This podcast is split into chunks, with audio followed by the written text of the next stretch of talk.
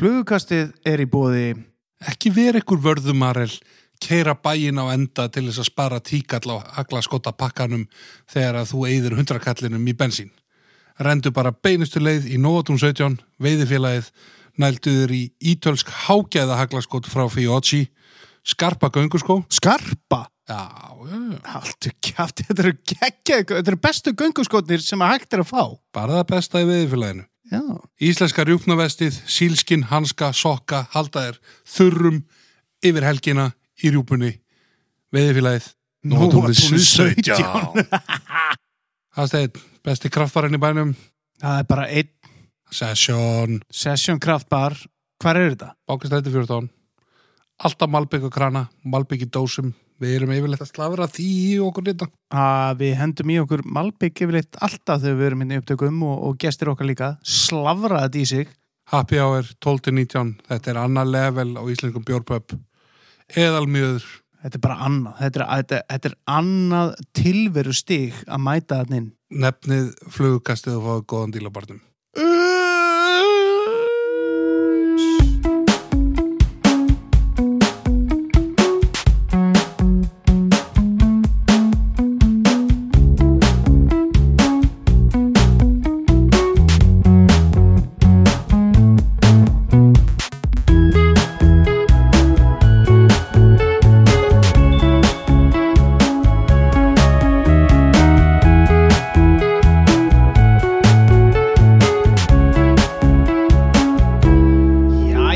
Sigþór, þetta er komið að þessu Það er 50 dagur Já, það er fymtaður og við erum ennþá að rembast við að, að halda út í flugkastinu. Við rembumst eins og rjúpan við stein. Þetta er líka ótrúlega gaman og Þetta er ekki að gjáðu, við veit að þið hafi gaman sem eru að hlusta Þannig að við erum sáttir og styrtaraðalanur okkar Þeir eru nokkuð sáttir. Já, Þar á ég- meðal. Já, já. Nei, nei, hvað, býttu nú við. Nó, Það er Session Kraftbar, Bákastræti 14. okkar sætti 14 Ó, Endilega kynnið ykkur það betur, við mannandi ferðið þetta að lesa og ég held að sé bara svo út í hastin hérna í hérna gæða gæ, með. Gæða mjög sko Nefniði flugukastið því að þeir halda það síðan ekki að hlusta Þeir eru eitthvað klikkaðir hérna sko. Þeir eru ekki að trúa okkur. Þeir trú okkur ekki En hérna, svo er, svo er það snillíkarnir í veðifélaginu, Nóðunum 17, Já, Dotti og Gunni. Endilega, eða ætlaði að fara eitthvað að skella ykkur í rjúpu eða eitthvað, endilega kíkja á það. Eins og við að segjum hérna í auðlýsingunum auðvitað þetta, Já. þá, þá er þeir með ímislegt í það og hérna, Bara náttúrulega allt sko. bara, já, við ætlum nú að þeir ætla að vera duglegir í, í vetur að vera með skemmtilega luti og hérna þegar vorar þá koma nýjungunar En Sigþór, gamalt er gott. Gamalt er gott, Og við erum komið viðmælanda. Þetta segja þessi gamallega Nei, já, nei. Það er á besta aldri. Já, en, en, en hann er kannski Hann er með þeim léttari sem við fengið En hann er elsti viðmælandun okkar. Er það? Já, Já, ok. Er það ekki? ég, ég veit það ekki, ég veit ekkert hvað hann er gamalt maður. Hann er, hann er óræður í aldri. Hann er óræður ungur í alda, ungur í anda. Já, heldur betur. En reyndur er hann alltaf hana. Heldur betur. Jón Aðalsteinn Þorgeirsson, velkomin í þáttinn Velkomin Já, það, takk fyrir og takk fyrir þessa kynningu. sko, ég veit ekki hvað Hafsteinn er að tala um aldur hérna sko. Nei, já, já, Ha? hvað- Ég, ég, ég er, er fermingastrákur í anda, mér finnst, Hann já, við ég erum er nýfermdur. mér finnst, mér finnst ítla vegið á ungu manni hérna Já, jú, jú, kannski, kannski Ég byggðist bara afsökunar já, þú verður að kingja þessu Jú, jú Herri Jón, hvernig var veiði sumarið? Hérðu veiðisumari var bara mjög, mjög fínt. Það hófst á, á hafinu mikla, Já, Já, já, og viti, viti þorsk. þið eru með félagarnir hérna litla skonnortu Já, heldur betur, fína, fína, fína bát. Það er, það, er, það er danskur vikingur. Já Það er svona Já. með, með gamla læginu Fíberglas með gamla læginu Já, já, já, já, já. Já. Ættaður, og- átt- ættaður á Sjálandi. Ég kalla hann Dannibró. Já, Já, hann er ósökkandi. já, famous last words Þannig að þetta byrjaði alveg ákallega vel hjá okkur og, og, og hérna við, við bara í, í mars og byrjun apríl þá vorum við búin að landa þeim stærstu. Já, já, já, já, já. Golfþorskum. Já, já, upp í 22 kíló. og hérna, það er ekki langt að segja Nei, Nei, nei, nei, það var bara hérna upp í kvalfyrðinum þegar sem við lendum í því. Já, já, já, svo er, svo er þetta nú er maður bara orðið þannig að, að, að hérna að þetta er farið að taka mikið plás og svo þingvellir mm. aftur, ertu já, komin svo, er, svo er maður bara komin á þingvell Er það urriðin sem þú ert að elta stuðið? Já, ég, sko, ég eldist nú við urrið en í þó, þó nokkuð mörg ár og meðan þetta var svona algjör paradís, maður gætt farið bara upp á nesafelli og, Já. og það var svona þegjandi samkomulega á milli orkuvitunar og, og veiðimanna að, að, að, að þeir mættu veiða þarna og já, það var bara alveg ómúlegt að reyna að greiða fyrir það. Já, já. já, þeir vissi ekkert hver átt að taka við greiðslum þarna og sjöðum manni bara að fara. já, já, Já, já. En svo eru konur einhverja erburegli gerðir og annað um að það þurfa, það þurfa að bjóða þetta út og Uss, er það, já.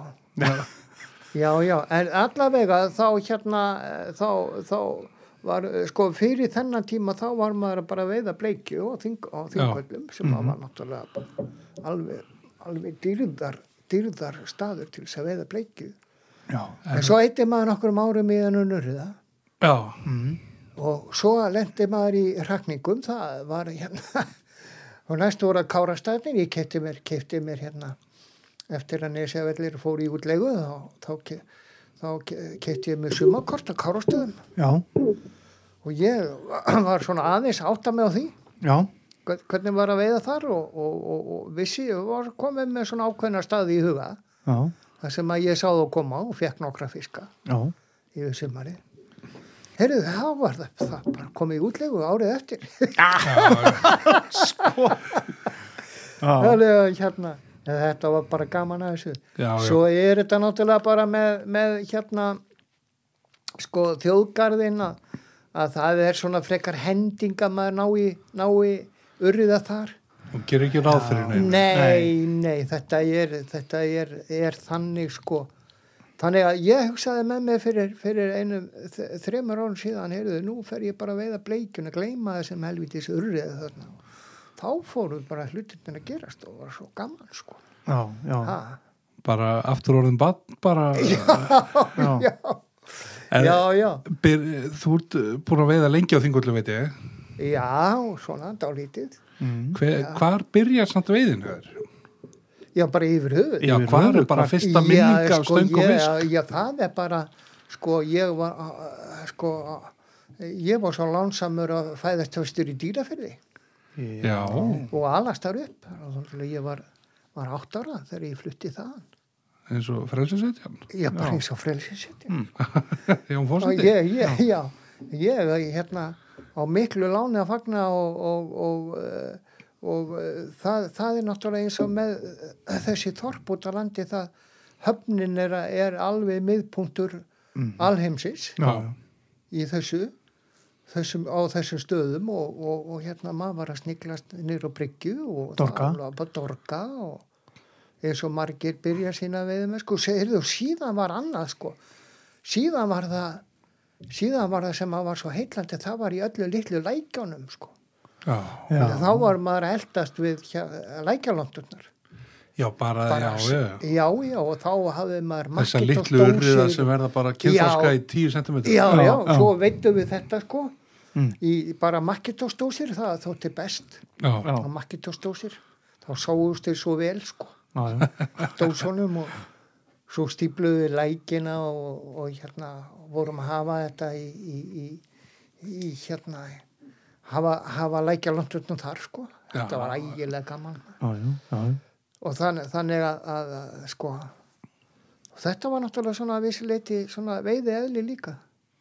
Svo náttúrulega sko þegar ég var, var, var smá strákur þá var ég sendur á, í sveit á Mýrum dýrafyrir Mm. þannig yfir. Og þá man ég eftir þá vorum við líka veiða sko, þá vorum við bara fjóra, fimm ára.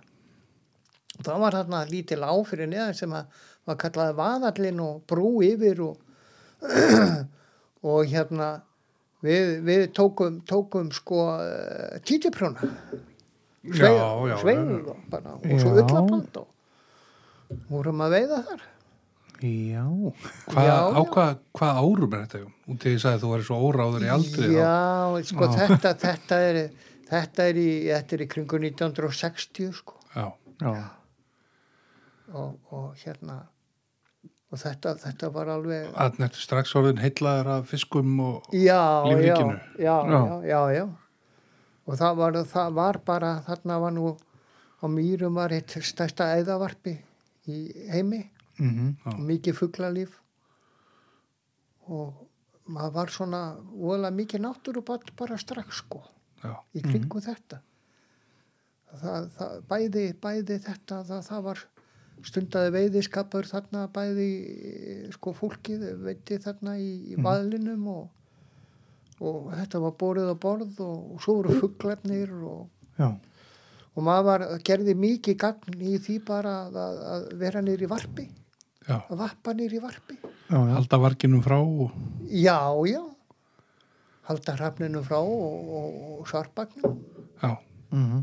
þannig að maður náði, náði svona strax tengingu við þetta allt saman hvar kemur svo flugan og svona hvar, hvar fer þetta að verða svona heldakaðig Já, já, svo, svo náttúrulega sko pappi gaf mér hérna veiðustöng þegar ég var sex ára.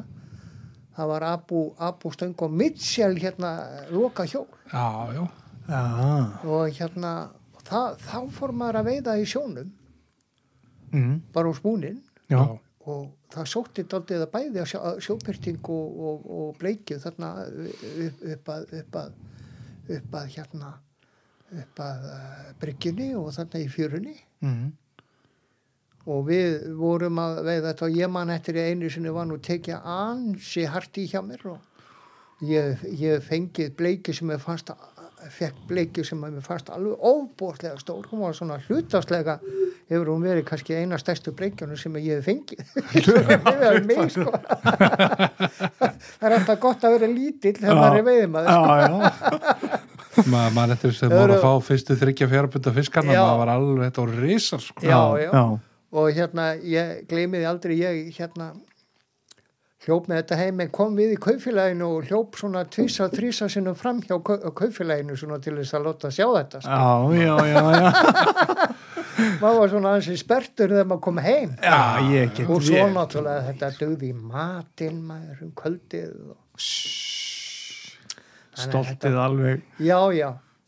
Síðan hefur þetta verið sko svo, eh, svo var, var þetta náttúrulega eh, sko pappi hann er ættaður úr, og, og reyndar móði minn líka ættuðu þingaði síslu já, móði minn er ættuðu þingaði síslu og, og, og, og hérna skaftalsíslu en mhm, faði minn er þingaðingur og, og, og hérna hans bræður og, fadir hans og afi og þetta voru allt saman veiðimenn og þá var það var lagsá sko, þetta var alveg í öllum frængarðinu sko, alveg, he, alveg aðal málið sko, mhm, mekka. Algjört Já, mekka sko. Og þar var, þar var hérna og það var það var að vísu sko, það var þegjandi samkomulega sko í frængarðinum hjá þeim að, að, að tala ekkert um veiði sko. Nei, frá, frá, frá hérna frá oktober og fram í fram áramótum sko. Já, já, já, þetta er bara gert til að æra ástöðu Já, það var svona þegar, þegar, þegar fjölskyldan hittist að þetta færi ekki allt saman út í einhverja endumar veiðisögur sko. en þeir stálust nú í þetta veikin heildi til þeirra og maður var nú vitna þessu.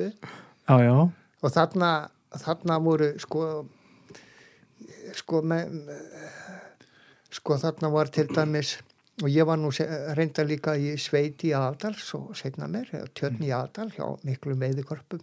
Tjarna holma flúð er það ekki? Jú, jú, ég var þarna. Símastrengur og jú, jú, jú, jú. Mhm, maður fær nú alltaf, alltaf skjátt í hén þegar maður sér símastreng sko. Já, en það ég, já, já, alveg rosalega og, og sögufrægu staður. Já, já, og það var, sko ég eh, kom þarna ég var þarna 14 og 15 ári sveit.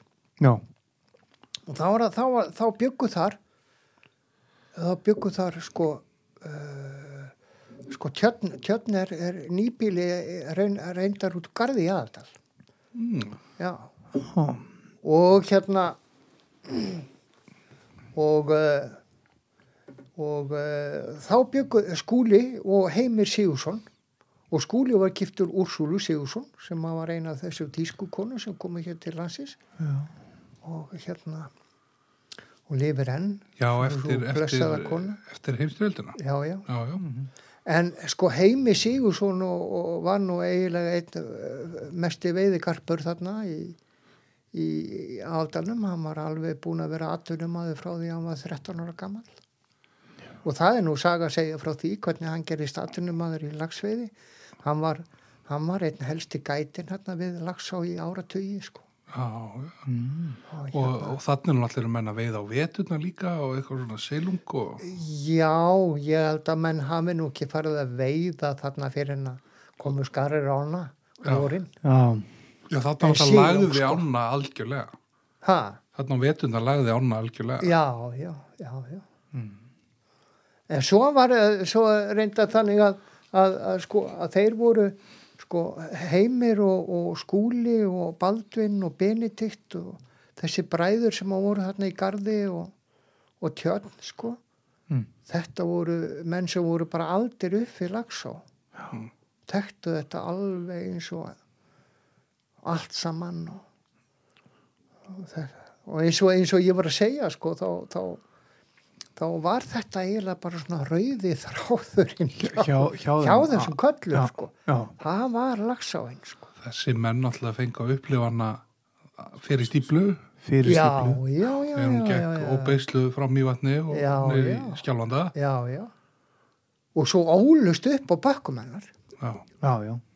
þetta var eins og það er nú saga að segja frá því eins og ég var að segja ykkur þarna á honum heimi þegar að, þegar að hérna hvernig hann gerðist veiðmaður þá, þá var Sigurður fæður hans hann var með reikús í gardi Mm. og reykti kjött og lags Og lags, já. já. Já. og þá voru þetta sko þá var lagsin, þetta var, þetta var luxusvara Já, já. þetta var dýrt Já. þetta voru humarhalar síns tíma. sko. já þetta voru humarhalarnir sko Mhm. og hérna og þá var, þá voru sko þá, það eru aðstæður eru þannig sko í, í, í lagsá, það er alltaf erfitt að draga á Já, mikið slí já, og mikið já vatn. það er mikið slí og það er raunbotn og það er Mhm. erfitt að, að þú veist, ef maður festi net í átrætti þetta Já. er helvítis vesen sko. Já, já. og hérna en það var einn þarna ádráttur þarna fyrir neðan Tjarnarholman sem var gó- góður og kallaður, kallaður eh, drátturinn Já, Já.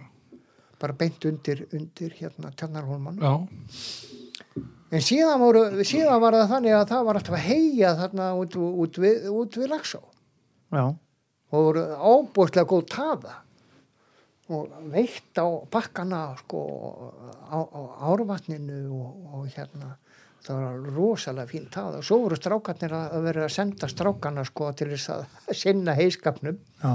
en þá voru þeir náttúrulega að, að flýttu sér mikið við heiskapin Til að, já. til að, að geta veitt. földu stöng sko Já, Já, með stöng alltaf með einhvers staðar. stöng einhver staðar sko og svo var það einhver tíman að, að hérna eh, og þá, þá, þetta var þannig að, að, að, að, að, að sko Sigurður hann leiði strákunum að veiða dráttin eftir að búa að draga hann já. Já. já svo mátti ekki snerta dráttin sko Ekki þætti það nú luxus í dag að fá, fá að kasta á eftir neti. Eftir netinu. Já, þú, þú færð að fara eftir netinu. en þið getur nú ímyndað hvað þetta var freistandi fyrir strákana og svo var það einhver tíman þarna að heimi var búin að veiða tvo stór fiskað þarna eftir að voru búin að djöflast í heiskapnum og strákarnir þorði ekki meira og, og fóru heim og svo kom hann undir morgun þá var hann með nýju stórfiska og þá, þá hérna þá, uh, þá ákvaði eiginlega Sigurður bóndi það væri nú bara sniðut að hafa heimi bara í lagsveðunum þannig. Bara skaffa humarhala í. Já. Já, Já. bara láta hann skaffa humarhallana hann var nú nógu baldin fyrir það var ágætt að hafa hann þarna innan sko. Já, já. Bara og þá var hann 13 ára og og hérna ígildi góð stráttar bara. Já, já, og svo heiði. þeir að fá hann lánaðan bændur þarna sko. Já. Þetta hefur verið luxus líf á honum. En svona var þetta með blessaðan kallinn og, og ég var nú svo heppin að, að að vera í sveit hjá þessum manni og hann kendi mér nú að kasta tvíhendu, Mm. hardi í stöng, 16 fetta á tjörninni Já, og svo, svo fórum við að veiða saman og þannig að ég fekk þetta einhvern veginn svona alveg beint í æð allt saman alveg bara sem barna unglingur sko.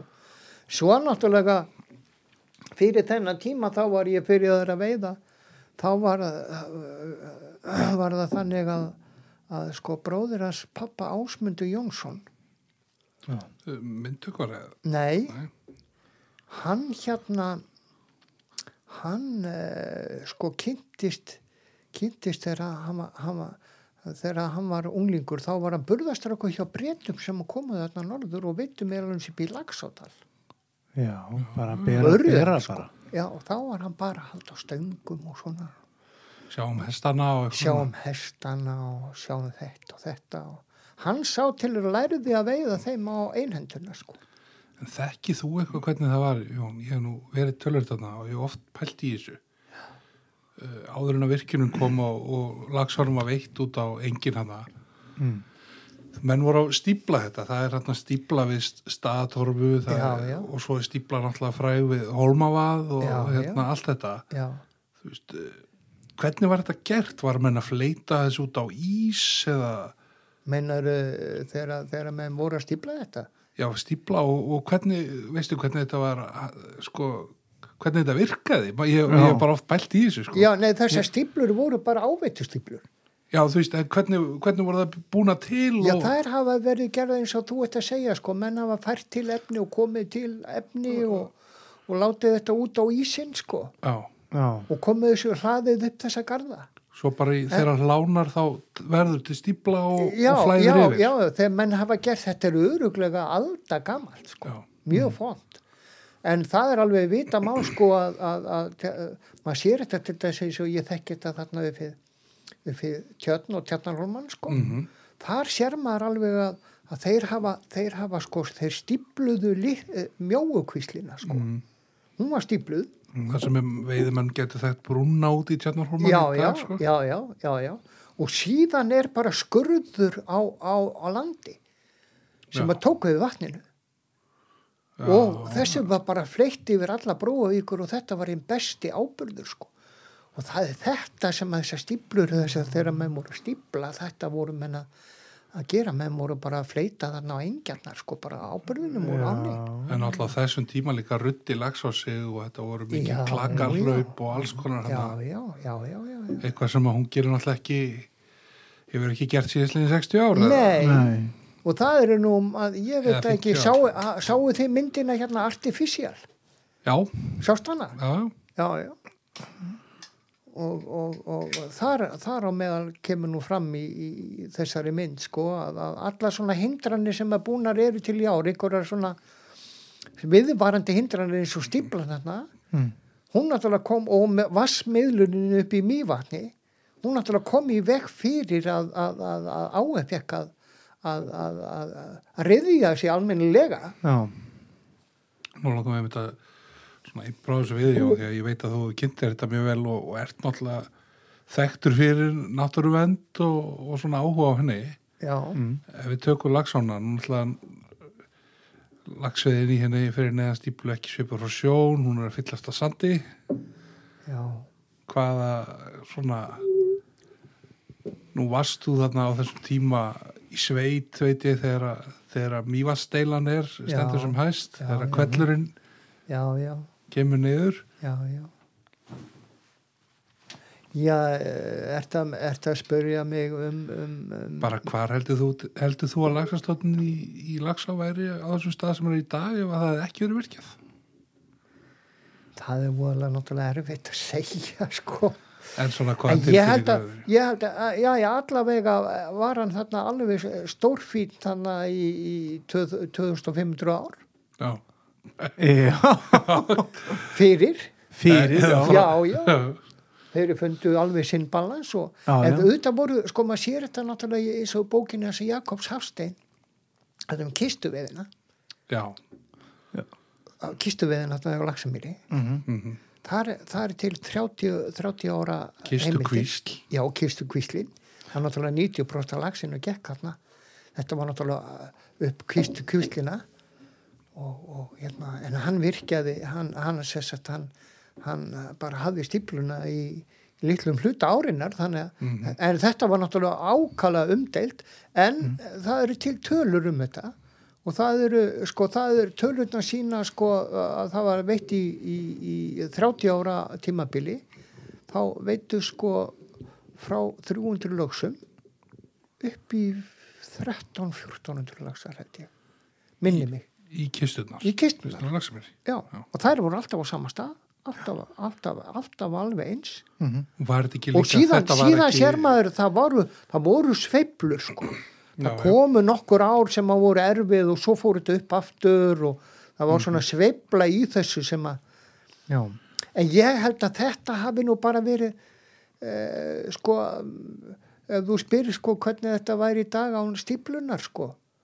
Ég, ég held að, að eins, og, eins og að rannsóknir hafa leitt í ljós viða ellendis að svona stíplur hafa geifulega áhrif á allt er lífriki í án já, Já, tvímaralaust já, og það kom nú fram þarna sko í þessari mynd, þarna art- artificial myndinni uh, hérna uh, þá, þá sína sko bandaríkja menni þeir, þeir hafa, hafa uh, mikla þekkingu á þessu sviði Mm. og hafa rannsakað þetta alveg vísindilega í áratugi sko. já. Þeir, þeir, náttúrulega- seg, þeir segja sko, það er þetta það, það er þetta, veist miðlun Mhm. í vatninu og stíplur Já. Og svo er það seiðin já, að sleppa seiðum en ég held að það sé nú einum og stór biti fyrir okkur íldingar svona eins og er sko. já, allt þetta seiða eldi sko, og seiðasleppingar sé kannski eitthvað sem að hafi neikvað áhrif á stofni en það þeir eru eru bara komið alveg ljós. búin að skjóta sig í fótinn með það í bandaríkjunum. Og já, þeir eru búin já. að gera það. Þeir náttúrulega í, í kreppunum miklu millistir í sálunum þá stípluðu þeir nánast bara hverja einustu sprænu og Já, já, já. skapa vinnu og já, já, skapa ramagn og skapa vesmiðudjobb og annað já, sko. já, og það er náttúrulega, þeir eru gríðarlega virkir í því í dag að rífa þetta bara niður. Já, já, já, það er byrjað að gera þetta ég, mér minnir og að rífa þetta bara niður já, já, já, já, til þess að fiskurinn komist. Já, og Það hafa kannski er þá ekki- séð eitthvað, einhverja, bætingu á ánum eftir, eftir niður yfir stórkostlega Nú, já, ok. Já, þeir eru náttúrulega með þarna mjög magna stopn á vestuströndinni af, af sjógegnum það. Sem að bara hefur ekki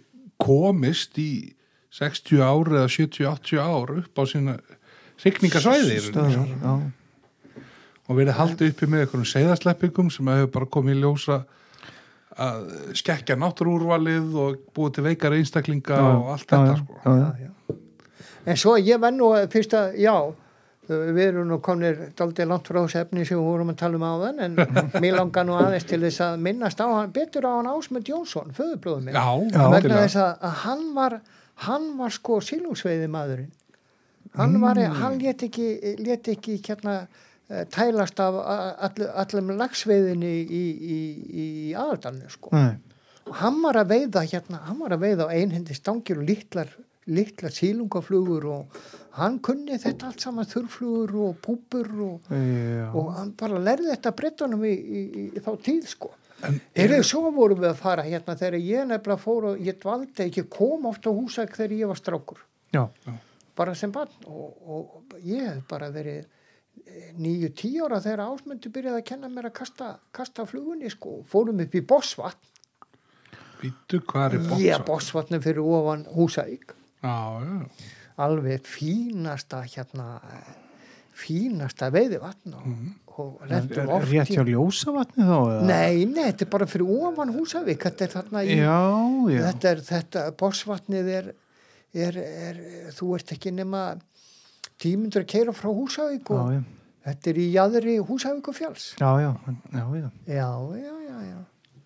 Og hérna og það einhvern veginn hann hafði mikið lag á því að, að, að veiða þarna sílungin og kom oft einu sinni veitum við þarna einu sinni eitt eina kvöldstund upp í klubbinu veitum við 32 þessa fínu sílunga bleikjur já, Já, já, já, já.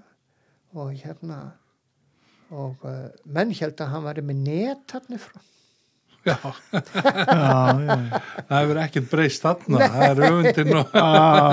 svo er nú daldið sorgarsaga í kringum, í kringum veiðistofnin, í, í, í kringum sílungastofnin í Bossvatni sem að ég ætla nú kannski ekki að fara út í hún. hún er í rauninni alveg absúrt Það hljóma hann svolítið spennandi ég skal mjög ykkur það, það. stóru. það var nefnilega það var nefnilega kalla- kallaði botsungur, það var bara sérstökku stopp sem að var í, í, í hérna bosvatni Já, og menn held að hann væri bara ætti einhverjum ægilega miklum erfileikum af því það veitti þarna enginn nema ásmundur. Heyrðu, það, þannig að þeir ákvæðu að, að fá mývas sílungan Já. og sleppa já. Er það bleikja þá á þessum tíma? já, já, já.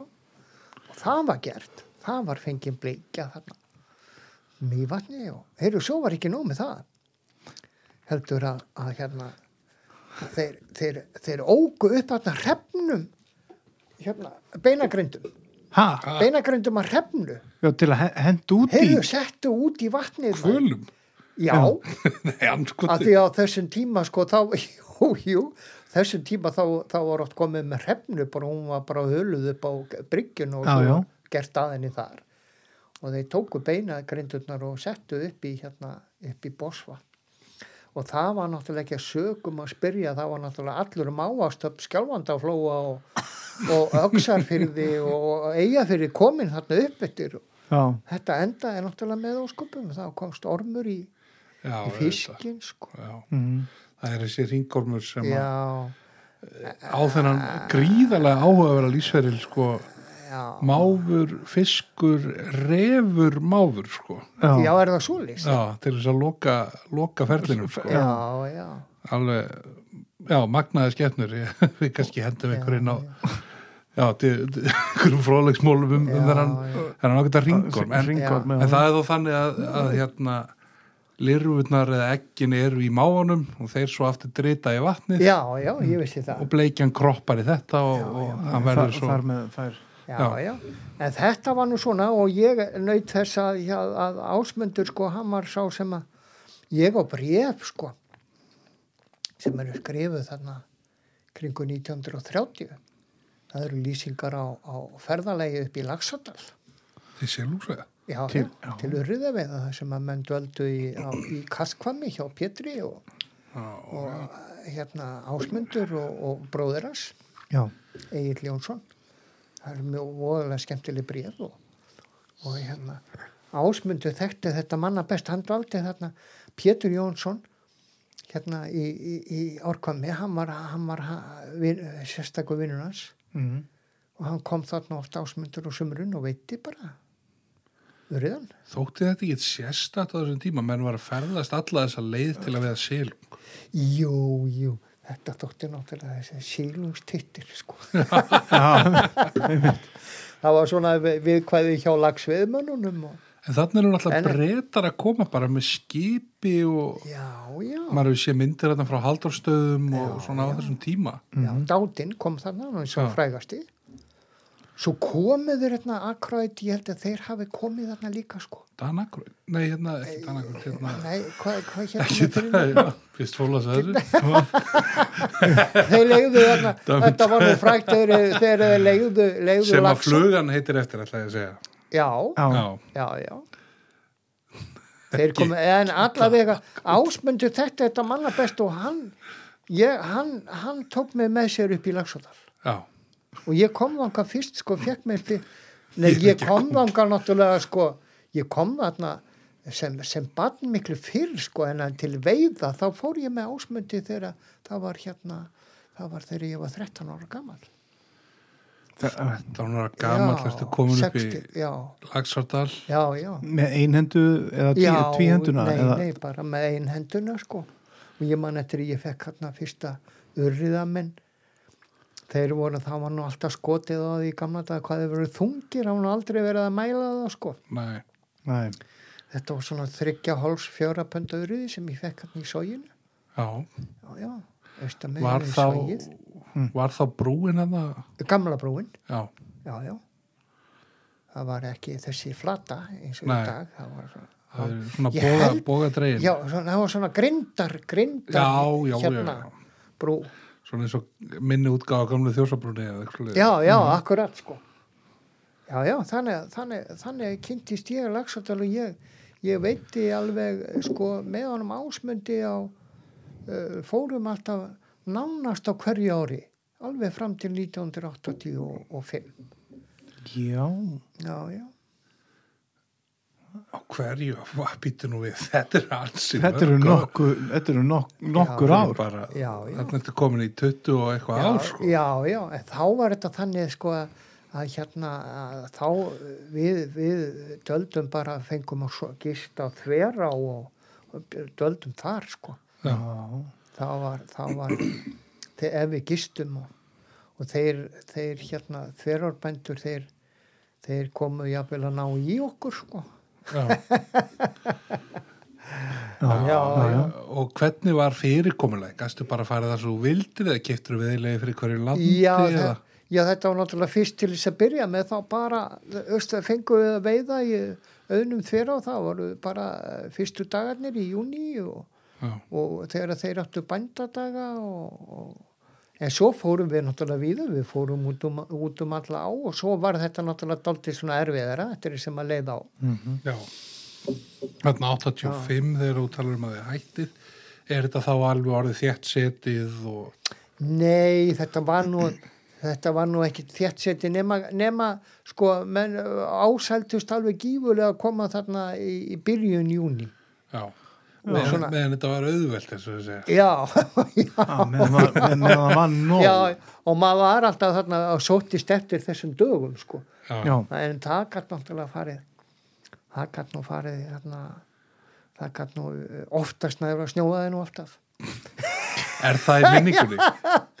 sko, í Nei, minningunni, minningunni og mér er alltaf sól, sko. Nei, það byrjuð í júni. Já, ég er alltaf þarna í mjögasetri 4. til Já, 7. já, júni. já, já. hvernig var í sumar? Það var, Já, já. það var ekki var það var snjúkuma. En ég var, ég veist að ég gafst alveg upp á þessu setna meir sko þegar að, þegar að hérna ég festi bílinn minn í ljósavaskarði og, og hérna og, og það var alveg, það var alveg, alveg hérna bara skablar fram í á þegar maður kom og áin var alveg í vetrar ham þannig sko Já, þá færði ég mig til ég, ég fór þá að veiða um Jónsmessuna Já, já, sem er alltaf gríðarlega skemmtilega tími þannig. rosalega skemmtilega já, sko. lítur að vera sko. já, Þá náttúrulega líka, ljósa skiptingarnar og já þetta er náttúrulega alltaf aðeins færst framar en, en þannig er þetta mm. að fara að tala um svona, þá er mýið farið að koma upp úr onni og já, já. fiskurum farið að líta til himins.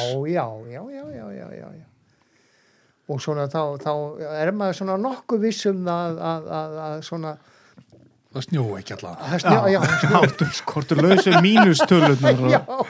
við í mínustölunar Já, Ég var töluvert þarna núna í júni Já. í mjögsettinu og í Lagsadal og bæða veiða og gæta og eitthvað. já, Ég endaði nú akkurir með lúnabólku. já, það var, bara þannig. já, já. Það var búin að vera hérna í 0-2 gráðum og svo þú veist, svo er að rigna og hálf frjósa á manni og eitthvað svona. Já, já. því líka vósbúðin, sko. já, Líku viðbjóður sko. En þetta er þannig, ef þú ætlar að taka sénsinn á júni hérna snemma, já, þá er þetta, ég er búin að taka þetta saman, þessi, þessi ár sem ég er búin að vera hana, eitt af hverjum þremur er ískalt. Hinn tvö eru bara fín beau- og geta jafnvel verið bara mjög góð, sko. já, já, já, já, já, Já. já, og svo getur maður náttúrulega lent í það að það er algjört, algjör veistla, sko. Já, já oftast er veiðin yfirleitt góð, það Já, tröfla mann ekki. já, já, já, já, já. En þú ert já, ekki kannski eins og að fá fisk á þurflugu eða... Nei og svo líka sko að, að fiskurinn er náttúrulega daldið misjaflega á sig komin sko. Það er náttúrulega eitthvað sem að, sem að við höfum kannski svona í seinni tíð verið svolítið spiltir með. Já. Það er langt frá hrunni bitmýstopsins og reikmýstopsins og nú gerðist það í sumari og núna þeir hrundu báðir samhárið. Þannig að hvað erum við þá að tala um? Ekki, ekki kannski næsta sumar en það næsta sumar getum við fara að sjá ástandi. Já, já, já, já, þetta hangir allt með flugunni. Blessuð flugan, ég elska hverja einustu flugu. Já, já, já, Já, já, já. menn bölvaði svolítið mikið en án flugunar þá Væri nú Það væri við nú ekki hérna þú veist, Nei, værum þetta, við ekki að spjalla saman hérna. Nei, það væri voðalega- voðalega lítið að spjallum sko. Voðalega lítið. Já, já, Já, já. Þannig að ég get svona ímynda mér Jón þegar þú ert farin að fara hann upp í dal og, og hérna með honum föðubróðinum Já, að þarna sértu orðin alveg illa þjáður af batteríunni Já, já. Og svo var þetta náttúrulega líka það, þetta kom í svona miklum bylgjum hjá mér, sko. mm. Þetta, sko, við vorum að veiða þarna þegar við komum fyrst, þá, sko, þá, þá voru þessar Black Nut og Votflugurnar og Watson's Fancy og Cardinal og þetta væng tvíkrækjur og- allt með væng Já. og, og svona, sko. veit niður fyrir þig Já, já, já. En svo voru, eh, veistu, allt veitt niður fyrir að mestu leiti, sko. Hann var svona þverkastaða eins og. Já. og svo var náttúrulega líka sko Marts Brown. Já, já það var hérna það, hann, eh, ásmundur hann, hann kallaði hann eiginlega þurrflugu sko. Já. já, Flaut hún þá einhvern veginn svona já þá var hún svona í yfirborðinu sko. Já, og, og, og, og hérna þannig að hann veiti líka sko var að veiða svona á, á, á þurrfluguna líka bara sá með þverkasturi og, já, og svingi? Já, já, Já. já þá er hún jafnvel verið svona eins og eitthvað vorfluga Já, akkurat, akkurat, akkurat Marts Brown. Þetta er náttúrulega sko, þið þekki sögu þessara flugu, þetta er, þetta er ævafort fluga ég veit að hún er forn en ekki þekki í söguna Nei, sko, sérðu hvað hétt hún nunnan sem að á 14. öld skrifaði eh, um fluguveiðina já, þú, hvað ég hétt hún náttúrulega? stend á gati. Já, nú er ég bara alveg ég, nú er ég bara manni ekki en það hvað er hún náttúrulega heiti oft vitnað í þetta það hefur verið kona sem fann upp flugveðina jú Já, það. er svona mál sko. Það eru sumir sem að vilja halda þið fram að steinaldamenn hafi veitt á, á, á þurrflugur. Já, ok. Já, en allavega, þetta er til, þetta er, þetta er, þetta er til á bókfelli, sko, uppskrittir. Það var, það var uh, bresk nunna sem að skrifaði um fluguveiði mm. Og meðal annars sem Marts Brown í hennar. Já, já, er, er, er, er, gefur hún uppskritta henni. Og þetta er náttúrulega bara vorfluga Marts, sko, í Mars, sko. Já, Þá að nota þessa flugu. Marts Þetta er Já, náttúrulega- Marts Brown. maður þarf að kafa í þetta. Við, Já, Þetta getur verið eitthvað Sigþór fyrir ykkur Já, ykkur þetta er pervertana náttúrulega- með frá Já, ég þekki þessa flug okkurlega og ég hef notað hana tölvöld með þess að bara í laxi og svona já, ég bara, Já. ég fletti ekki upp hana áður ég fór, hingað til ykkar. Ég, það þetta er ekki. náttúrulega fleiri flugur eins og coachmann og Já, já, svona já, öll, öll þessi já, já, já, já, já, já.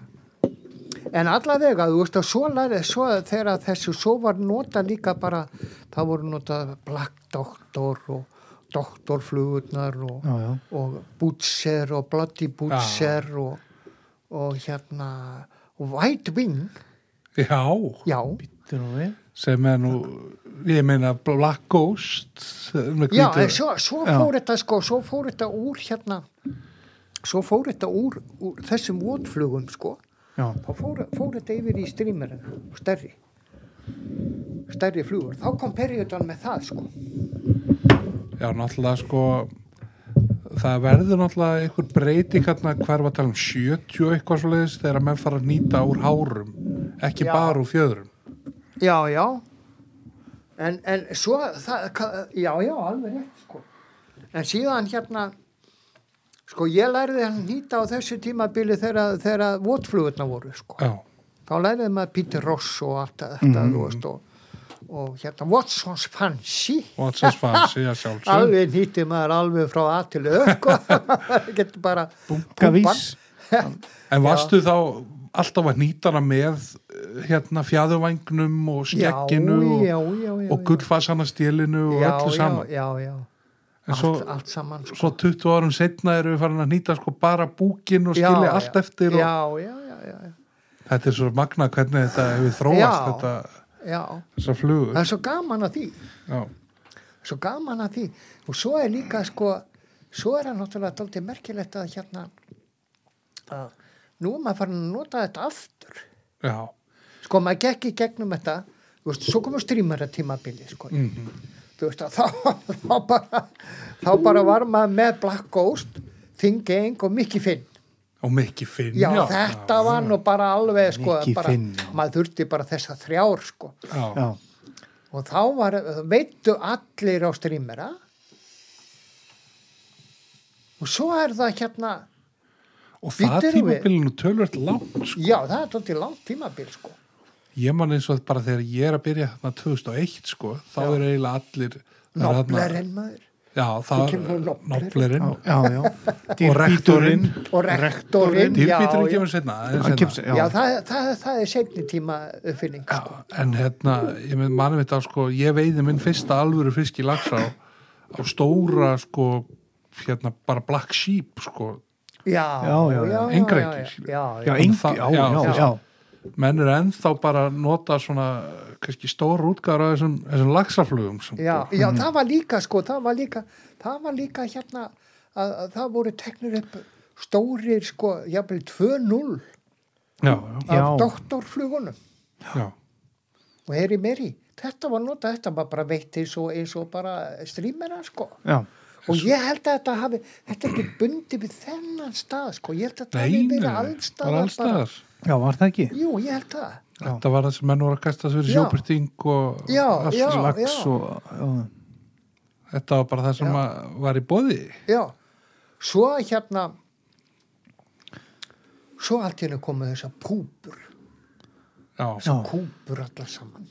Hvenar, hvenar fyrst ferða að sjá það? Eða það er hérna, ég man eftir því að þeir voru sko þegar eh, ég var nú oft samtíma þarna akureyringunum. já, þeir voru algjöru snillinga með þetta Tómas Árdal og, og Hermann Brynjóls og, við þurfum nú bara að fá Hermann hérna, hann er nefndur í öðrum konum þætti já, það er það? Já, það eru og þeir Tómas kölluðu sig Árdal þarna flugviði félag Íslands Já, já, Já. Þeir, þeir, já, akkurat, þeir gerðu það setna, ég var oft samtíða, það voru margi mjög snjalli menn og þeir alveg, þeir kunnu þetta sko. Já. Þeir voru alveg svo skriðdrekar út í miðju á með kúlutar maður alveg, er þetta, kúpur? Já, einmitt Kú, kú, Kúpur, já, það voru púpur og sett saman úr, úr sko Kúlu. kúluhaus, kúluhaus kúlu og púpa. já, Það var heldur flott orð, já, já, já, já. ég man að Francis.is var að selja þetta undir þessu, þessu nafni hérna Já. fyrstum sinn sko já, já. En þeir, þeir náðu alveg svo líst töfra tökum yfir þessu öllu. og svo miklum tökum að sumar ár hafa ekki borið barsitt Já. þeir náðu, náðu það góðum tökum Það að má ég þessu segja það sko. Já. Það má ég segja og svo voru þeir náttúrulega með nýtarann, hann Gilva, heitin. já, Gilva Kristjáns. Míslan og Krókurinn Já, og já. Já, já. og- og- Beikir og Allt Já, þetta já. og hann, hann sá, sá vel fyrir flugum. Þeir voru alveg bráðsnjallir að nýta sjálfi líka sko. Ég er nú ekki að segja það að hann hafi séð þau fyrir. Nei. Þetta voru bráðsnjallir veðimenn og eru, það verður til eitthvað svona kreðsa þarna já, allt í einu. Ní- 90 og eitthvað svona rétt eftir 90 svona, já, já, í kringum 90 sko, þegar, þegar púpunda koma alveg alvöru inn í sko þú veist, þessi, að, þessi aðferð veist, að, að kasta upp og láta hann að sakva með indikator sko, og láta þetta dead drifta niður sko. Já, já, þá var maður búin að nota dálítið að púpum sko áður fyrir sko, ég man eftir sérstaklega eftir hérna uh, hvað var, var, var helvíti veiðin púpa það var hérna hér að eirað já, já, með kúlu. Já. maður veit hana bara niður fyrir sig. Og ég áttur að vera að hugsa um þetta sko því maður var náttúrulega alveg svolítið sko þegar þessi menn voru að koma hérna í Laxádalinu og voru að koma með kótan hver eftir maður alveg bara lág og kippið flattir fyrir þessum er þessu? maður er Þeir hljóta að vera með net. en þannig eru náttúrulega líka komna þetta- betri vöðlur og svona Jú, svo náttúrulega Já. má ekki gleyma því þeir voru svo óbort að djarfir að vaða að vaða þeir, veist, og, og þe- þetta voru stórir og sterkir menn sko já, já, Og vakstar þeir- þetta menn sömur já, já. Já. Og hérna og, og, og menn á besta aldri og letu sér ekki letu sér ekki segjast í þessu sko. smikið sko. Já, fór, fór á staði sko sem að hafði kannski ekki verið veitt á áður einhverju steinar og annað slíkt sko. Nú, og svo kunnuður þeir aðferðina sko.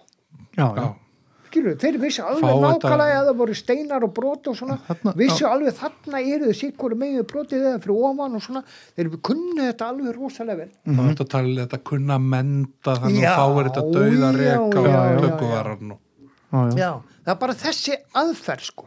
Mhm. og þetta er alveg mögnuð aðferð sko. Ég einhvern veginn uh, og sérstaklega í minni ám sko. Þá er þetta náttúrulega alveg hendur deadly sko. Já, þú veist það, það, er, það er öðru vísi þegar þú ert í þegar þú ert í svona stórum ám sko. Þá er annarkvort er stórum á og þú veist ekki nákvæmlega hvar fiskurinn liggur og þú ert, að, þú ert svona þú ert að leita fyrir þér, þreifa fyrir þér sko, þú veist kannski svona að þessu dýpi og þarna er ströymlægi svona og svona sko Já, já. þá var náttúrulega strímerinn alveg svakalega góður í að bara Já.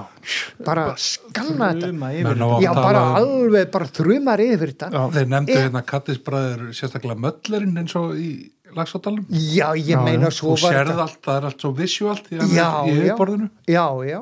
Já, svo voru náttúrulega bara eins og noblerinn og allt þetta sko. Það voru alveg baneitraða flugur Já, þegar það virkuðu. En svo svo skrítið er svo einkennilegt maður. Það er eins og það, það er eins og fiskur verði stundum pílitið eins og að berist út svo saga meðal fiska Já, hvað, hvað, með einhverja flugur Passaðu á þessu. Já, ekki Já, já, það er nefnilega ef þú kemur með einhverja nýja flugur sem virka vel sko, þá getur hún verið alveg sko, já, já. Ég heyrði þeir taka þetta alveg grimt og svo Þreymur ánum setna Já, en síðan er þetta að segja sko, þessi, þessi veiði aðferð þarna með púpurnar sem komu þarna á eftir sko. Mhm. það, það, þetta alveg, þetta held tók menn alveg bara, þetta, var mikil tíska og að veið á púpur og sér ekki verið endan á því kannski alveg. Nei, nei, auðvitað er þetta eina aðferðin það er svo gaman að þessu sko það er svo gaman að kemur alltaf nýja og nýja aðferður svona sem dettur inn og, og kannski gleyma skömmlu aðferðina sko og svo koma þær aftur sko. Já, já, Ha. það er alltaf einhver sem pikkar þetta upp En Já. það er líka rosa gaman í lagsá eru bara margir góði staðir til þess að láta votflugur rekka. Já, Það sem er kannski erfitt já, að koma já. við mjög þungri púpu eða, Já, akkurat sko og þegar fiskurinn er kannski ekki að geta alveg yfirborðinu. Mér, mér verður hugsað til hérna breyðunar fyrir neðan gerastæðaskurð og miðmyndavað já, já, já, Já, fullt og nýri í lagsádalnum Já, já, náttúrulega lagsáttalurinn er svo jafn djúpur svolítið svona, já, það er stutt fyrir fiskin að líta upp. já mm. En það sem að ég vildi segja sko þetta, þetta var sko að, að, að, að, að þetta ég einhvern veginn eh, sko já, það strýmir þetta en svo voru þurrflugurna komnar inn í hjá mér þá, þær eru nefnilega líka skanna rosalega mikið. Svona stóra þurrflugur. Þetta langar mig alveg úlfurinn og sérstaklega að ræða við því. Já, það, það er sko að það er að sko að, að hérna sko eh, það eru stóru þurrflugunar og það sko ég nú tekið það, ég tók þær ég eiginlega hljóp yfir þetta púpu tímabil sko. Púpu tímabil Já, mér fannst þetta eitthvað svo eitthvað einhvern veginn ég einhvern veginn hérna er nú þannig gerður að, að ég er nú ekki eins tungur og margir, margir veiðimenn sko sem að geta treyst á sína eigin þetta borð. þannig að ég gæti nú ekki vaðin eitt langt úr svona sko en, en ég var nú samt að veiða og líka svona næri landi og svona sko en ég einhvern veginn náði aldrei svona beinu sambandi við þetta sko. Nei. við púpuveðina. Heldur ég og, og ég var ekkert mjög lengi fastur í þessu sko. En, en, en hérna sko, svona þegar púputískan kom sko. Heldur þá var ég búin að uppkvæta þurrfluguna sko Þú ert náttúrulega þekktu fyrir það. Þú ert svolítið brautriðandi í þessari þurflögu við hérna. Ég held ég get alveg sagt það. Já, og já, þú kannski já. fáist ekki til að viðkjöna það sjálfur. nei, nei Og ert svona, hefur lagt þig fram við að stúdera lífrikið og herma eftir því í nýtingum og, og öðru. já. Hérna, þú ert að finna hérna upp á, eða svona uppkvöta þurfluguna um eða áður að þetta púpu ævintýri byrjar upp á 90. já, já, já Mm. Þú náttúrulega átt þessa þurflugur sem hefur verið talað endalust um í þessum þætti, óteljandi þáttum og, og Já, hérna á, má segja hug minn allan, galdarlöppina. Galdaralöpin já, já. Um, þú veist, getur þú bara einhvern veginn sagt okkur frá því hvernig þú byrjar að fatta hversu öflugt vopn þurflugan er? Og hvernig Já, þú kannski já, ferð með þetta? Já, og, Já, já, ég bara, sko, ég, það, það var bara ekkert annað en, en, en hérna reynslan sem að síndi mig það bara. Þú sko, ef, þú verður bara að hafa kjark til þess að byrja á þessu. Já. Það var eiginlega engin annar svona í kringum mig ekki margir, sko. Ég er nú ekki að segja. Menn voru að vaða út í miðja á og púpallasteina og Já. þú lættist með bökkum og kastaði þurflugu. Já, það var svo einni, sko, þessi þurrflugu veiði, hún, hún ásett alltaf þróun hjá mér, sko. ok, Fyrst var þetta, sko, maður, maður var með, hérna, kallaði þetta vorfluguna, já, þá var maður að, þú veist, að herma þetta vorflugunni þegar hún flöyt vona og, já, kattis já, bara kattis. Og svo var ég með uh, líka aðra sem að heitir Mítan. Sem, að, sem ég nýtti í svona 14, 16 18 þetta er svona, er það ekki silfurlítaði búkur? Jú, hún er, hún er bara gullfasani aftanúr og, og, og hérna grisli hakul Já, þú veist, hún er bara alveg rosalega einfald, hún var bara til þess að taka toppmíði, sko. já, já, og þú, ég þykist nú vita að þú var nú eitthvað að fara niður fyrir henni Já, það kom svo setna, sko. Já. Það Já. kom svo setna, ég get sa- við komum með því, já, sko. Já. tökum við þetta allt í réttum Já, já. tökum, tökum, Ég veit Sko, alveg þá var ég bara, þá var ég, þá var ég bara, sko, sérðu, þá var ég komið með, þá var ég komið með, sko, þá var ég komið með toppmíð mm, Mm, og svo var ég komið með kattisinn í vorflugunni, sem ég, kalla, ég kallaði þetta mítan og vorfluguna. Og svo var, svo var náttúrulega sko, sá, sá, sá, sá, sér maður sko galdralöppina eða galdrafluguna sko. Hún heiti galdralöpp eða galdrafluga. Já, og svona fyrir þá sem að kannski er ekki að kveikja því þá er það þessi svarta fluga sem þú sért svona hálpartinn hengja rauða fætur og eftir sér á flugi. Já, hún er svona leggst oft í kvönn já, já. allt einhvern veginn svona og já, stór fluga, stór fluga rosalega falleg fluga. Já, og hérna gaman að sjá er akkurat á kvönninni og svona sko og, og hérna, og hún alltaf klekst ekki úr vatninu. Nei klekst úr mýrinni já, já, já, En þeir, þú veist að ég bara, ég bara sá það á stöðum, sko, þar sem að þær voru að, uh, sko, akkurat þess að að voru í kvönninni og svona, sko, þá dettaði niður og svona, Já, sko, þá voru þeir að taka þær hérna urriðin alveg það er eins og ég get ekki sleppt því að taka. ég er búin að býða eftir einni núna alveg heila vetur, sko. margi dagar á árið sem þú fær þessi fullkonu moment sko. Þannig að, þú veist að ég nýti hérna, sko, ég gerði mítuna bara, eða mítan, eða mýfluguna, Mm. þá gerði ég hana bara úr, úr, úr hérna svörtu hakkal já, og setti skott á hana, já, golden fassan, eða, ég, já, já, og svo gerði ég líka bara úr, úr, úr, úr fjöðrum, sko, gráum fjöðrum, og svo Þú ert ég... með svolítið langt skottaðum til að, Já, er, er það já. til að auka bara Nei, þetta var sko, já, hún var svo einfald þegar, þegar ég sá hvernig ég var að nýta hana, það sko, gera hana einfalda. Það var nú mátt á hjá mér lengi í, í, flugu, flugunýtingunum að bara nota þrjú efni, sko. Það þyrfti að vera, já. það þyrfti að vera, sko, það skipti máli, þú veist, að vera snakkur að búa það til. Því er ekki Já. að vera hangsa heim í veiði húsi maður búið með alla fluguna sem var sínungur og takað út klukkutíma að gera fluguna, sko. Nei, bara, Heldur bara, þú veist, bara helst tekja, mínútna flugur, sko. En maður hefur líka heyrt sko, ég las einhver staðar að hérna, og ég held ég að vitna í þetta áður í þessum ykkur ákvað þættum sko. Já. því nær svo kemst sko góðum veiðimönnum og skoðar í, veið, í flugubóksinu þeirra, Já. hvort sem það er í lags eða silú Já, þá er alltaf minna á flugunni sko. alltaf. Hvort sem það er í- eru hárin í vangnum eða, eða vöfin eða þetta er alltaf verið alltaf einfaldara og minna og svona já, mm, mm, það er ekki alltaf sko málið að hafa 27 efni í einni flugu sko. Nei, nei, heldur það er eitthvað, þið sjáu það líka þú veist, sjáu þið flugurna sem að virka? Það, það er bara 2-3 efni sjáu þið Fesan Tail sem er nú Já, einn bara besta fluga sem að púpa, þrjú- sem að hefur nokkuð tíma verið gerð. Er að ef, um við teljum ekki sko nýtingatrá, ef við tökum þetta bara eins og sójargerðana já, já, bara tvö og, efni. kopar og, og fasani. Já, Já, kom- hafið þið- séð, hafið þið séð myndbandaði þess þar sem að hann er að nýta. Er Fesan Tail ég held að ég hef hort á hann er ekki er því. Þetta er bara tvö efni. já, já, Og svo eru, þú veist, sjáu þið nú til þegar, raut og svart, Watson Fancy. mm. Bara raut og svart. Black Zulu Black Zulu Já, Black Zulu. Og, veist, og, og og, og, og svo er þetta Peacockin. a- allar þessar, killerinn, killerinn, sko. já. Skiljið þið, Killerinn, þetta er allt saman, þetta er allt saman svona einfalt, sko. mm Já, já, en allavega. já, Ég hérna, ég uppgötaði það að, að, að, að hérna að, þú veist, ef maður tók hana fjöður og, og fest hana við, við sko, við, við, við uh, líkjuna fremst. Já, já. Og varst búin að setja hérna flatt hinsel mm búin að festa það niður undan og skottið.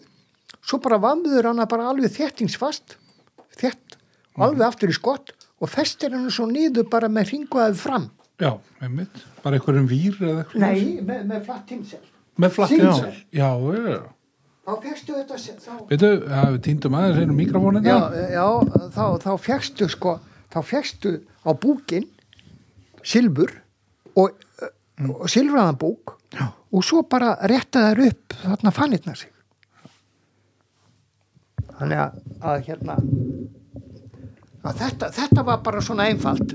Já, og svo þetta, þessa, þessa flugu hérna, hún virkaði bara mjög vel. Já, já, og, ég hef notað þessa flugu sjálfur. Já, hún meiri segja hún meiri segja sko hún virkaði, hún, hún, það var svo lítið efni í henni og sérstaklega eftir ég notaði hérna fór að nota sko nælonefni í skottið, grátt. Það var ekkert sem að gat sko sogið í sig uh, hérna vatnið. Nei, þannig að ég gat sko látið hana ertu hættir þá þau með fyrir mig. eitthvað andrón eða eitthvað svoleiðis aftan úr eða? já, já, þetta er, eitthvað Mayfly Tales er þetta kallað. Já, já, já, já, þetta er sérstaklega gert til þess. Mm. og, og, og, og, og hérna og þá gæti ég tekið hana og ef þeir tók hann ekki á reikinu og svo, svo sigsakka ég út niður líka sko. Já, svo þurfum hún komið niður fyrir þá bara kipti ég hana. Og undir sko. Já. dró hann upp já, og hún sög og hún tók oft viska þannig. Þá er hann eins og eitthvað klekja eða eitthvað já, svoleiðis. það var eitthvað svolítið sko. Já, heyrðu og þá var þetta að því að hún dregur ekkert í sig efni þá gæti ég bara þurrkað henni í bakkastinu. Bara falskasta tvisar og já, En þessi fluga sem þú hún lýsa hérna, þessi silfur svarta já, með skottinu. Já, Þú veist, þetta, er bara, þetta er bara eitt búkur, það er engin, það er engin thorax eða body eða, nei, þetta nei, er bara nei, eitt. nei, nei, nei, nei. Og alveg sama hvernig hún lendir. Mér veist hún veiði Já. alveg sérstaklega vel, ég veit ekki hvort þú sért sammála mér, í svona kannski svolítið lignu vatni, já, já, ekki já. sama vatni eins og kannski galdralöppin sem að, nei, nei, nei, eða nei. vorflugan sko. nei, nei, það er sko með, með, með, með hérna, þú veist og þú hendir ekki svo, þú hendir ekki flugunum með 28 út í stríðans trau Nei, það er bara eins og, þú veist, þú í- það ekki sko. Já, já. en aftur á móti með stórar stóra þörflugur sem að hérna sem að þóla vel að, að veltast um í strömmnum sko og tæla silungin sko um tíma það en allavega þá, segja, þá var ég komið þessa flugu sko. Svo tók ég fyrir hérna tók ég fyrir uh, vorfluguna. Já, og þá bara gerði ég hana gerði ég hana fyrst sko. Og gerði ég hana bara uh, og hjartarhári já, bara spann það. Mhm, og hafði svo brúna uh, hananakka aftast og, og, og spann áfram upp sko. ég hef séð þessa útgáði þar, Já. hún er rosalega rosalega einföld. Já, og og hérna, ég, ég mynd sá fyrir mér aðra vorflugu sem ég séð eftir þegar þú sagði vorfluguna. Já. en er þetta algjör neglaða? Já, þessi er algjör negla, hún er það ennþá. já, Þú veist, það er dáldi vesin, er dáldi vesin að nýta þetta hjartarhár, sko. Já, það sóðar, er sóðaskapur að að klippa þetta til, sko. já, En hérna, þetta virkaði mjög vel og svo, svo vildi ég endilega koma, koma hérna, koma uh, vorflugunni inn í og þá var það þannig að vorflugan, sko, þá var ég með, þá var, þá var ég gætir í, sko. Og hérna, og ég var, var, var um árabil var ég að vinna sem gæt og, og, og hérna á sumurinn og, og, og var svo heppin að, að að hitta á, á þurflugumenn og veiðimenn sko, sem, að, sem að voru að veiða sílung. Já, já, Það er allt annað lið sko, heldur en er í lagsinum sko. Já, Svona yfir höfu sko. Já, já. Er þá, er þetta þá amerikanar þú Já, það voru, það voru aðalega amerikanar og breyta líka. breyta, Já. já, Já. svona Og einhverju svo- test Já, svona ég fór- tjokkstrím sveiðmenn sem er að, í svona kalkámi já, já, já, og- já. og svo var það hérna heyrðu, svo ég fór með þá sko, meðal annars í túr þarna, eh, við fór með þá svona í viku tíu daga túra sko, um landið og meðal annars svo voru við fyrir norðan og veitum í, í Laxárdal og, og, og Svartá og, og hérna, og svo í Laxá, Árbót. Já, já, ég veit þar tölvöld já, já, já. Svo mann, þú varst hvað langaflúðin er já, jú, og það er þarna, það kemur þarna klettur út í neðst á lang, lönguflúðinni já, heyrðu þegar við komum þangað með þér þá þá er bara fiskurinn að taka sko galdralepp það er þetta, þetta lítur að vera þá þarna svona setnipartin í júli já, eitthvað, ég man nú ekki alveg daginn hvað, hvað Nei, það, það, er þessi galdralappa dagar þarna, Já, þetta, er svona, já. þetta er eitthvað tíu daga Já, perjóta og og þetta var svo, þetta var svo gaman maður að, að hérna að, að í hliðinu þá fór ég heim Já. og nýtti fyrir þá eina, þá bara tók ég svört hjartarár tók ég bara svört hjartarár og var bara með svarta ull og svo spann ég utan þetta og, og, og svo fjöðruna utan um svörtu og þetta veit ég svona rosalega vel hjá þeim varstu þá komið með rauða skottið á hann Nei, nei, já, sko, þar var líturinn komin, sko. Já. En Já. svo bara gerði ég, svo gerði ég bara aðra útgáfa af henni sem að virkaði svona rosalega vel líka og hún var líka, hún bara var ósakvandi. Það er var sko alveg já. bara og þú sást hana bara úr mílu fjallað þannig að þetta, og fiskurinn var svona hrifin að þessu líka. Já, já. Þannig að, að, að það var bara, það var ekki til, það var alltaf fríðarstund. ég var einmitt að tala við þýskan félag minn bara í fyrra dag, ég sent honum myndi að vera að nýta galdralöp og Já, hann er mjög hrifin að þeirri flugu já, hann sagði sko, það lítur að koma svo dagur sem að galdralöp hefur verið bara bönnuð og fiskurinn á engan séðan sko. Bara, þetta er ógirnilegt fyrir hann, sko. já, við erum alltaf búin að kasta þessu bara á alls konar flug á alls konar fiska, laxa og annað sem er ekkert að rísa sko Nei, nei. en þegar þið fá galdralöp yfir sig já. Og þá hugsaði sko, þetta er nú eitt, eitt stæðsta skortirið hérna á Íslandi ég kannski læt vaða í eina sko Já, Já, er smakka, eitt ég Svo ráðast þeir á þetta, ráðast á þetta líka. Já, Já. Já, þú veist að þeir bara, þeir eru ekkert að taka þetta, þeir koma bara með sporðin upp úr laxa líka sko. Já, Já, ég, Það, ég veit, ég... veit á hana hel mikið í Rúslandi á lax. já, já. Já, já. Ég gerði svona að henni. ég hef einmitt séð þá, ertu þá að kasta upp fyrir því líka? Já, og svo líka dragana sko. Já, já. Já, ég hérna En, en allavega það, þar, sko síðan bara eftir þetta sumar þá, þá bara, þú veist, þá hérna uppkvöldaði ég bæði, þá uppkvöldaði ég svampin Mm.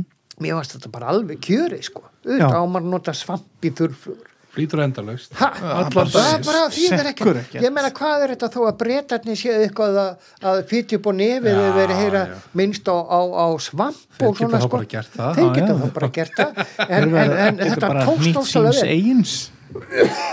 og ég fann ég fann helviti fína aðferði til þess að nýta hana sko með með hérna svona rauðum þykk svona þú nýtir hana með rosalega þykkum miklum svampi þannig að til að fá gott flót já, nú var félagi minn að baksa við þetta bara í, í vikunni eða síðustu viku.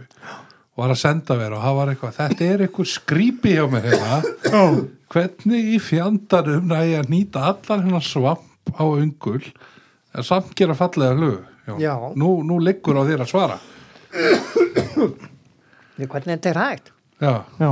og hvaða efni ert að nota Já, ég, sko, ég skal segja þér alveg hvernig efni ég er að nota ég, uh, uh, uh, sko, niðurstöðan var svo að sko, fyrst þá bara fann ég svona þykkan svamp sem var einhver umbúð svona sem að Já, bara ég múrstein bara. Já, sem að ég bara skar niður í hæfilega og klifti þetta til en síðan þegar ég kynntist þessum sílendrum Já. þarna frá Sýbæ þá var uh, sko kjör uh, uh, sko stærðin var nummer 12 Mm. á öngul sem að uh, er, er hérna B uh, veitu hvað var að B? 150 eitthvað, já það var það. Emerger, já, ég, emerger já, típa sko. Já, já. þannig að ég hafði ekki þykka heldur og ekki en að þunna. Já. og síðan tekið sko. Þú ert með þennan medium wire. Við erum alltaf með stærri fiska já, já, já, emitt akkurat sko. Mm. Og svo, svo hérna svo nota ég bara anþrón gard svart Mm. og svo stífa hananakka fjöður já, og svo bara svo bara ekkit fínan þráð heldur, heldur bara Bara s- bara 6-0 tyggið á Já. sko. alveg bara Já, og þannig að, að, að, að ég tók þá þegar þekkið þetta sípa í hérna, þá, þá var alveg ágætt að taka bara klippan, svona þverklippana Mhm. Og svo festi, festi hana á sko svampin Já, þá ertu búin að klippa hann í 45 gráð hotni Já, já, eitthvað svolítið sko. Þannig að ég fekk svona smá flá á hana fremst. já. já, teiperingu á hana og svo kom hún svona kónísk bara aftur. Og hérna og, og svo tók ég, tek ég bara anthronjard gard svart sem að menn þekkja bara svona þetta, Já, þetta, þetta hrindi frá sér vatnið svo veist að segja og er búin að þetta bótt í allar svona já, þurrur já, já, þetta bara alveg þetta hérna þetta var, þetta, þetta er bara eins og henda, henda vatn á gæs. Já, já, þú veist það bara tekur ekki tísi vatn. Mhm. og, og, og svo fest, festi ég þetta bara inn. Já, uh, garnið og, og, og, og hérna veð fram búkin og svo tek ég, tek ég tvær hananakkafjæðri stífar við, við hérna haus. Upp við haus, festi hann inn og svo tek svo tek svo hérna, þráðin alveg aftast. Já, ok. Já, og svo vef, vef ég hérna alveg þétt sko mm nakkafjörunni hann til Það er- aftast, festi svo inn og fram, og palmerar fram þráða palmera fram þráðin Já, og já. þá, þá krossast hérna þráðurinn yfir, fjö, yfir fjöðrina. Þú vefur satt þræðinum í öfuga áttu fjöðrina. Já, já, ef að þú, ef að þú sagt byrja fremst að vefja aftur Mhm. sko, þráður og aftur tekur svo sömu reyfinga þar sem þú byrjar aftast og fer fram, þá krossar þetta. Já, og þannig, það er nærðu styrknum í hana sko. þannig að hún er alveg, ef þú gerir hana svona mm, þá Þá- endist hún. þá endist hún alveg í 20 fiska sko. já mínar er ekki að endast svona lengi. Nei. Ég er ekki að gera þetta svona. Þú, þú þarft að hérna gera það í brók Nei, nei, Sigþór í, ég, í ég nýtti bara fleiri. það er líka ákveðu lust já, já.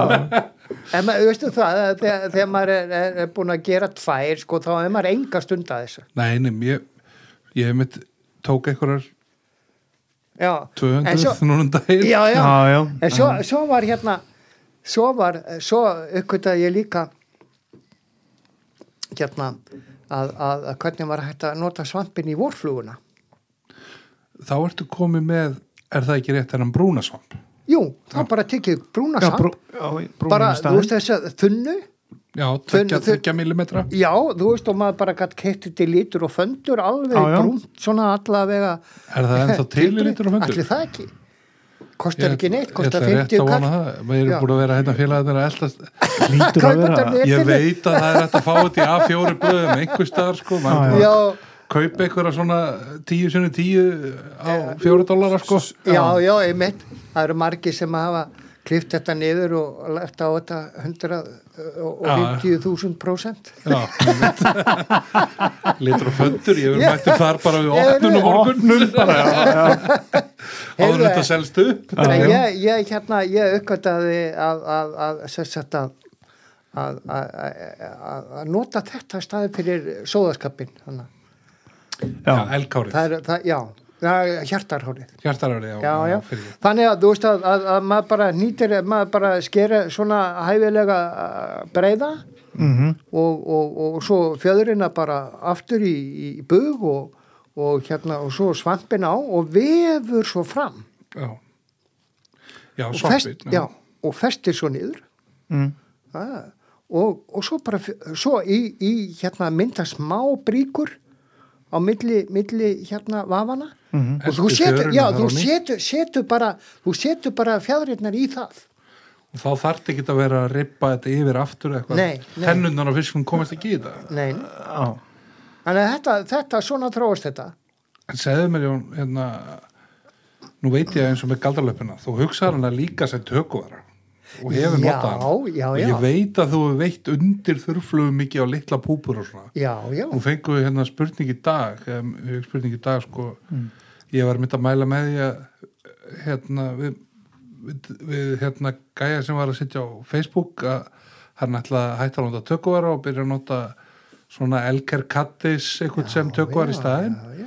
að hann myndi kannski svona ef hann er að veiða allan á þingri púpur og svona nota kannski frekar fómflugunar já, já, já, hvernig, þú veist þú hefur notað þetta mikið svona droppið drægið ekki? Jú, þetta er náttúrulega sko það er náttúrulega alveg kjörið að nota þessar flugur sérstaklega svona áberendi, þú veist að það er eitt kosturum við, við raut og svart. Er það líka að þú sér það svo ákala vel sko. þannig að það er að nota það sem dropp er en síðan þegar, þegar ég fór að þegar ég fór að hérna, þegar ég lendi í, í, í smáflugunum, þurrflugunum já, það var nú alveg bara það er eitt af skemmtilegasta sem ég hef lendi í í, í, í fluguveginni sko. ég veit að hérna sameilu vinnur okkar heitin Gunnar Þorstensson já, hann, þú náður algjörlega selja honum inn á þetta og hérna já, já, hann veitti á líka á þetta, hann trúði á þetta. alveg svakalega upp, í, skæði og eins upp í já, mjósveit og, og víðar sko. Já, já, ég á þetta svolítið inni hérna segð okkur aðeins frá því, hvernig, hvernig dettið þú inn í þetta? já, ég skal segja þér alveg frá því hvernig þetta inn í þetta að það var, mér er þetta bara ógleymalegt, sko, það, það var þetta hefur verið á árunum þarna einhver tíman eftir 1990 sko Mm.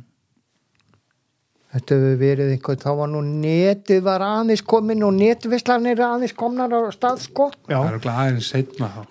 Já, 90 96 netið netið það, var þetta það sko, það voru fyrstu vestlarlindan komnar og það var 96, þetta mál, já, já, já, heyrðu, en þá var þetta þannig að þá var ég að, hérna stattur á, á einna mínum uppáhaldsveiðistöðum. Mm. þá hefði Pollnesið, Pollnesállin já, já, í Lagsódal í Lagsóttal sem að er einn ein lúmskasti veiðistaður sem að ég þekki. Því að, að, þarna, er svo rennur svo hægt vatn og, og þetta er ekkit ákvæmlega djúft og, og hérna, en þarna leynast alveg svakalega vænir og fallegi fiskar sko. En svo er það líka þegar maður fyrir að skoða þetta nánar sko þá, þá, þá, þá eh, sér, ef maður skoða reynslið í áni þá sér maður að berst þarna mikið æti sko. Já, yfir svona hrygg og inn í þennan nál. Heyrðu, svo er ég þarna einu sinni sem oftar.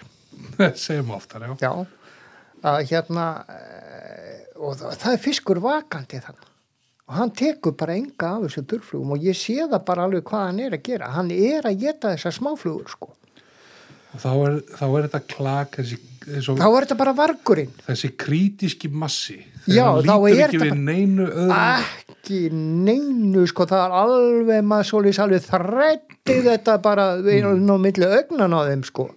Já, og hérna og þeir líti ekki við því. Þetta er bara það sem að er, þeir, þeir voru bara að geta þá var mývargur að klikkast út. Mm.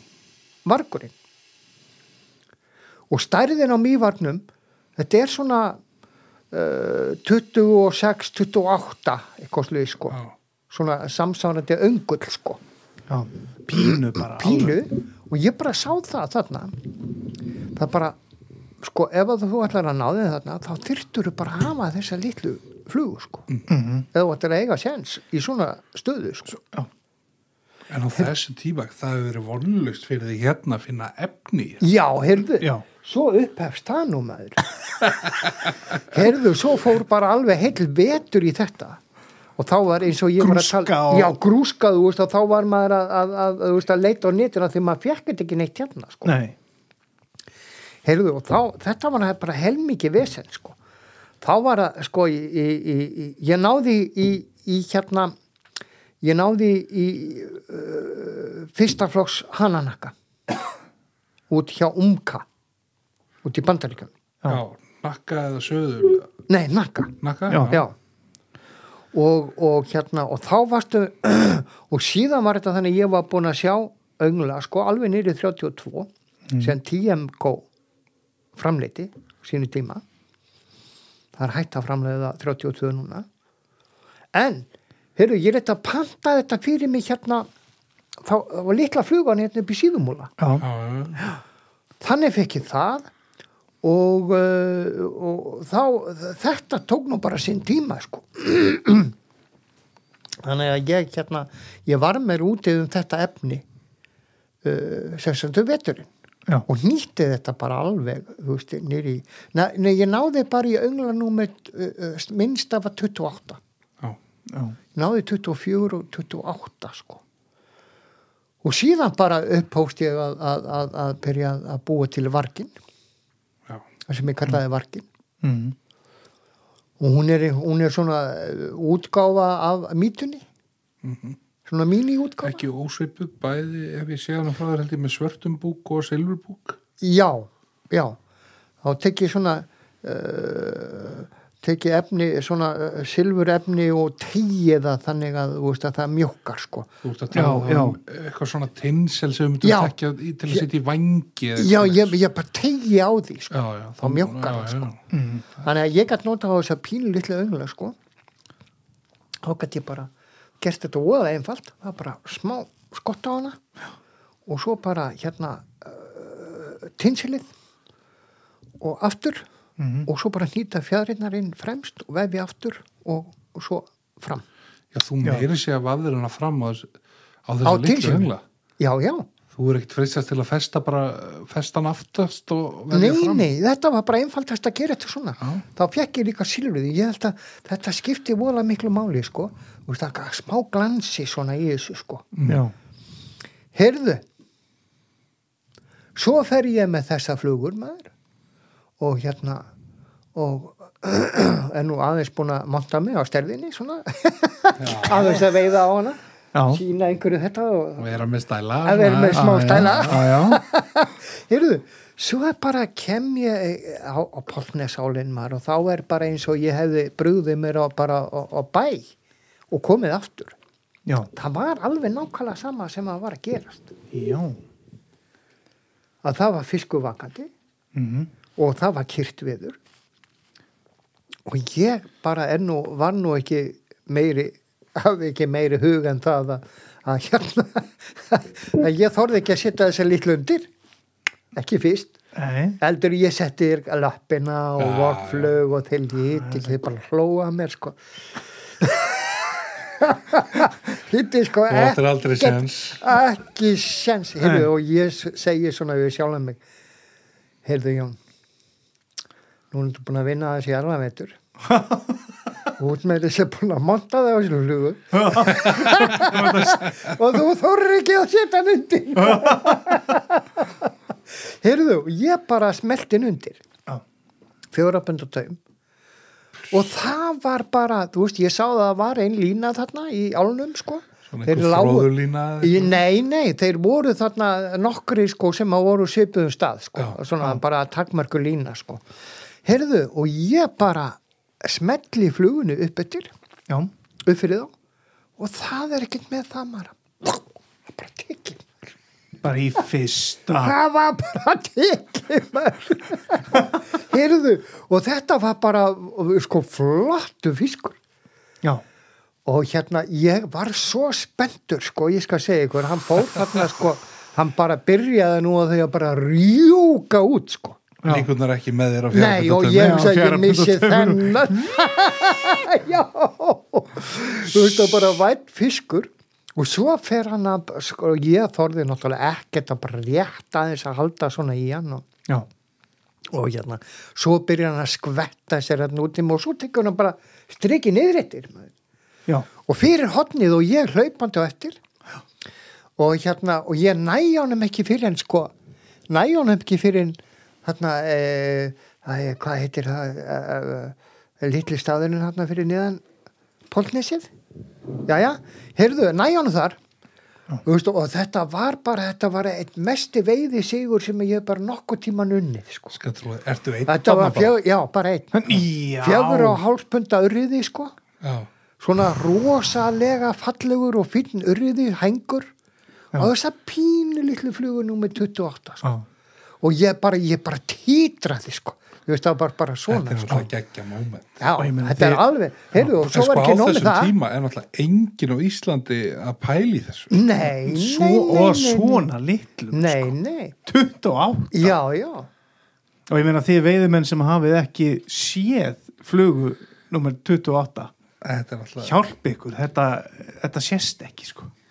Og fá svona kvikindi sko, svona urriða á þetta sko. En þetta eru líka helviti góðir önglar þessi TMK önglar sem þú ætti að nýta á. Já. eitthvað af þessu. já, Þetta voru svona, er þetta ekki svona sets, eða þeir eru svona hálfbognir einhvern veginn eða? nei, nei þeir eru nei, þeir, þeir eru með sko, þeir eru ekki með straight eye Nei, þeir eru með, eru með dána, já. að, down eye sko og svo aðeins svona sko ekki, ekki beinan bug heldur svona aðeins mótaður svona kónískur sko Já, einmitt. Já, en, en hérna en uh, það, það er nefnilega það er rosalega gott stál í þessum þessum Þetta önglum eru rosa sterkir önglar. Já, og ég var nefnilega búin að tekka á þessu bara á pundarannu, sko, hvað þeir þoldu mikið, sko. Já. þeir þoldu alveg 5 kíló.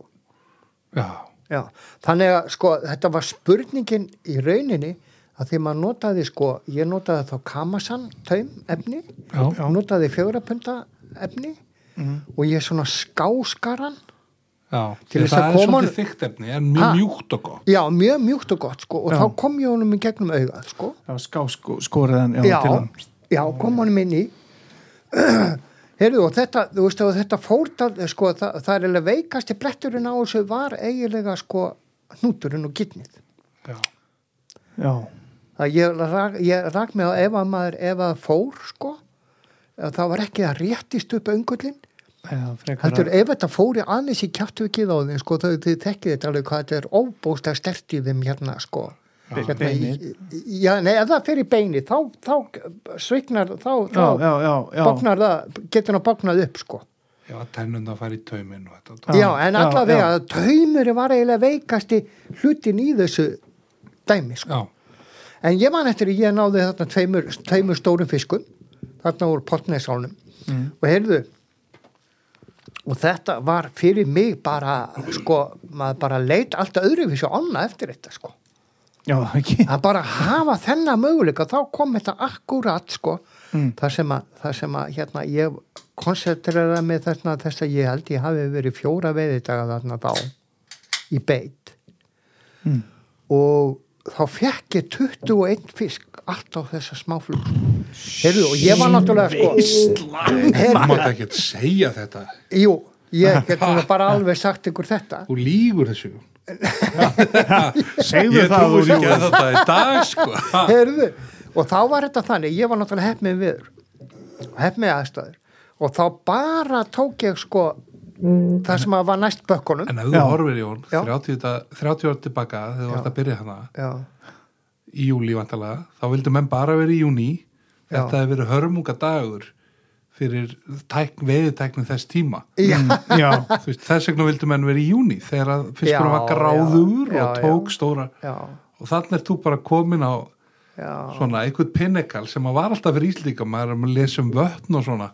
Hægist Mhm. mjög á veiði upp úr 10. júli já, Já, já, já. En þannig er þú svona búin að svolítið crack the code bara eitthvað Já, þetta var alveg, ég, veistu, ég skal segja ykkur þessir, þessir dagar sem að voru þarna eftir voru algjört, algjört eftir ég, ég bara, sko, þá, þá fattaði ég þetta, sko, þá Já. skildi ég þetta að, sko, þegar það er svona klaki gangi, Já.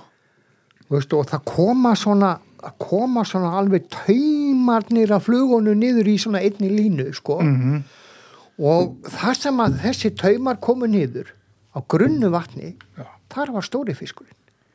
Hann bara þurfti ekkert annað heldur en bara rétt að kíkja upp og hann er komin út úr strengjónum já, þá var hann bara þá var hann bara komin hann hann minnst að hafa verið þessu. Hann bara, Já. hann bara, já akkurat. Hann er bara á grunnu vatni. Kemur sér bara fyrir, fyrir, og opnar rekur alla litlu í burtu sko.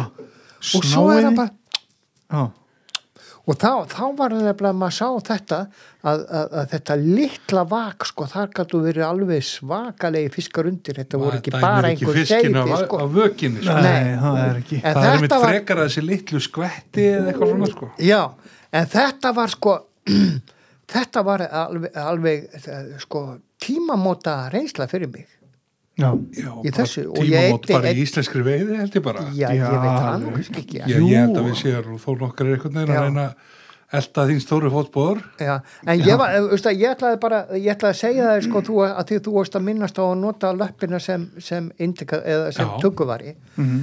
þá sá ég það sko að, að, það, að, að til þess að það er náttúrulega langbest ef maður ef maður hérna sko er með svona litla flugur og, og er að veið og þurrfluga maður sjáu fluguna. Mm. mér finnst það að vera svona eins og þreifa í daldið í myrkri ef maður sér ekki fluguna sko. líka sportið. Já, og svo, þú veist, maður sér hana og sér hvernig hann haga sér og svona. Þá gæti þetta verið alltaf erfitt að sjá þessa litlu flugu, sko. Já, þú veist, þú náttúrulega kastaði kannski svona, þú veist, 6-8 metra frá þér kannski, lengistu kostin já, en þá þurfti að vera alveg, sko, þú sást hann ekki nema að var í svona silfurlitaður hérna uh, yfirborðið, sko. Og slétt, annars sást hann ekki. En mér vil högg á þessu sem þú sagðir hérna 6-8 metra köst. Já, þú ert þarna aðe, aðeins úti eða ert að veiða við bakkan Já, bara, já, og menn eiga það náttúrulega til að kasta allt og allt á langt Já, já. stendur okkar örgulega þú veist, í þurrflugu veiði myndur ekki með segja það, menn eiga að vera eins stutt og þau komast upp með. Jú, já. Bara einstutt eins og hægt Fjóri til sex metrar bara. Já, já, já, bara bara ef þú kasta langt þá er náttúrulega alls konar öfla toga í Já, fluguna og- akkurat, Já, hún þá hún ég allavega strömskilum og svona sko. Já, já, þetta er náttúrulega en, en svo sérna að, þá þá fór maður að nota bara þessa nýsjóla sem kallu nýsjólan skadaferðin sko, bara að hafa stóra þurrflugu nýta svo í henni og hafa kannski svona hafa litlu fluguna kannski 50, 60, 70 cm fyrir aftan og svo bara kastaði þú upp þar sem að fiskur var eitthvað að sína sig sko. Mhm, og bara horfðir á, á, á hérna stóru þurrfluguna mhm, og svo ef þú sást bara eitthvað vaka einhversta reyfingu nálættinni sko þá brakstu við. En þannig erum við að tala um sko tvær þurrflugur já, þá ertu að nota ga- indikatorun á litlu þurrflugur já, já, já, já þetta var eitthvað sko sem að ég ég var að veikja það, mér hefði ekki dottið þetta í hug fyrir mig sumar. Já, en þetta var sko og þá, geðveik bylting sko. Já, Já, þetta, já. það, þá bara, þú veist, það skipti ef að bara, ef að kom upp fiskur eða einhver reyfing nálægt stóru flugunni já, þá bara eða þá hann tók stóru fluguna. Já, eða já, stóra, eða stóra flugan tók stoppaði bara stoppaði eitthvað, þá, já. Og svo náttúrulega, þetta er nú eh, þú veist að hérna eh, það var nú kallur nýsjálanska aðferðin hérna, þú veist að vera með þunga stóra púpu og svo eina litla í endan sko, en þarna var þetta bara þurrt. Já, þá er að tala um sko þurrflugur sem flýtur og púpu undir, það er Já, nýsjálfskafur já, já, bundið, já. í- bundið í auða, eða bundið í bugin já, já, já, þurrflugunni, já, já, gríðalega stertæki já, það sem já. bandar ekki maðurinn kallar dropper, eh, dry dropper. Dry dropper. já, já, já, já. eða hopper dropper hopper dropper. Hopper þá ertu með svona stóra fóm hérna eftirlíkingu og engisbrettu og, og hérna sem þið kalla hopper. Já, akkurat. Og svo púpun undir. Já, en ég var ákallega upptekinn að þessu í, í, í mörg ár sko að, að, að þessa litlu þurrflugur sko. Já, og þetta alveg svín virkar sko já, já, já, já, og hérna, en það þarf svona vist ekki til þess að nota þetta. Hvernig myndir já, menn, þetta er, þetta er svo þetta er svo lítið. Ef Já, að hlustandi bara- ef að hlustandi er að lappa hérna að einhverjum góðum stað núna, hann sér þetta, þú veist að hann er búin að kasta nokkur með þessum hérna blacknut nummer 12 eða 14 Já, eitthvað sem hann fær í búðinni og, Já, og hann vil bera að segja við þetta, ná litla þurrflugu og eitthvað, þú veist, ef við bara byrjum á bara stönginni og taumnum og svona hvernig Hvað þú, þú, getur ekki, þú Hvað- getur ekki verið með mjög þunga stöng í þessu nei, nei. Sko ég, ég hérna, ég á sko fjarkin er fýtt nýtt þetta. Er allt í Já. lagi að nota fjarka sko. Svo á ég náttúrulega sem að er alveg toppurinn í þessu sko. Það Það er tvistur, tí, tí, tvistur. og með tvist, já. Já, sjöfetta tvist eða þá ég á líka gamla lúp sko. Já, gamla Greenline hún er rosalega góð í þetta hvað þýndi það? það er fjögur. Það er fjarki. Já. Ég nota feta sjálfu eða? fjarki í þetta. Nei hún er, hún er, hún er, Hún er hérna ní- nýju fett níu fet, já. þetta er það, það er Greenline ég er bara ég bara get ekki hægt að nota hana. Hún er svo rosalega fín. Hún er, hún er, hún er svona freka mjúk Já, sko. mjög mjúk. Já, já. Hún er fín í þetta. Já. en síðan er þetta sko síðan er og lína fjögur sko. Auðvitað mér finnst þetta alveg, alveg kjörið í, í, í svona, svona veiði sko, þessi, þessi stöng sérstaklega þar sem áttum vona á einhverjum þokkalegum fiski sko. Já, mátt ekki fara bygginu Nei, En þú veist þó að sé gaman að leika Já, sér ég það veit Já. það sko. Já, já, En ef þú þarft eitthvað að taka á þessu og, og þarft að fara að landa og svona, þetta er svona mjúkt bara eins og eins og En það strá má ekki vera sko. stífara til þess að slíti ekki Nei, akkurat. tökunni og þetta. já, Já, En það er líka sko, það er eitt sem að skipta máli í þessu. Mann Já. nú stundum stundum talað um það sko hjólinn séu kannski bara línu hengjari sko. Já, en það skiptir miklu máli þegar ert með svona fína, fína flugur að þú hafi gott hérna góð, bre- góða bremsu. Góða bremsu getur ekki kannski endilega sterka heldur Nei, þetta er bara góða. Já, akkurat, og þú veist að þú getur vel tensjónið í sko. bara sé bara með einhverju vissu að þú Já. sk skilur Já, að því að ef, að, þú mátt ekki sko, um leið og þetta fyrir eitthvað að höggva eða þú tekur og skarta þessu þá er kannski allt farið margir sko. sem hafa Já, kannski já, tekið á já, gömlum ágættum fluguhjólum sko, þú veist, og dreigð út af þeim bremsan kemur í svona sko, klonk, klonk, klonk. þannig að hún rikkist alltaf í bremsu sko. já, já, það var að tala um þess að mjúku bremsu Já, sem já, kemur svona effortless. Já, F, já, akkurat. Já, já.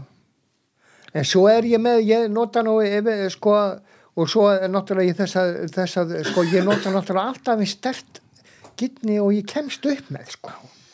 og ef við erum Ha- í lagsáni þá viljum við ekkit fara mikið undir svona helst sko á góðan degi s- sex pund Nei, það er sko ef að, ef að þú í lags á þú gerir, þú notar ekki svolis sko fjögur, sex pund nema það sem þú ert í lignum og breyðum og svona sko. getur eld fiskin Já, og- getur eld Já. fiskin vel og vandlega sko, þú ferð ekki upp á æsufitt og, og, og Nei, þar viltu verið 3x bara og, og, 8-9 og, pund hérna, og fiskurinn bara tekur á rás hérna niður allt saman og endast í varastahólma sko, þú, þú tekur það ekki á þá fjóra punta þá ert að stilla þér upp fyrir sko brotin, brotin hjörtu sko þetta er svona byrði sjálfsmorð sko. já, já, já, já, já, já.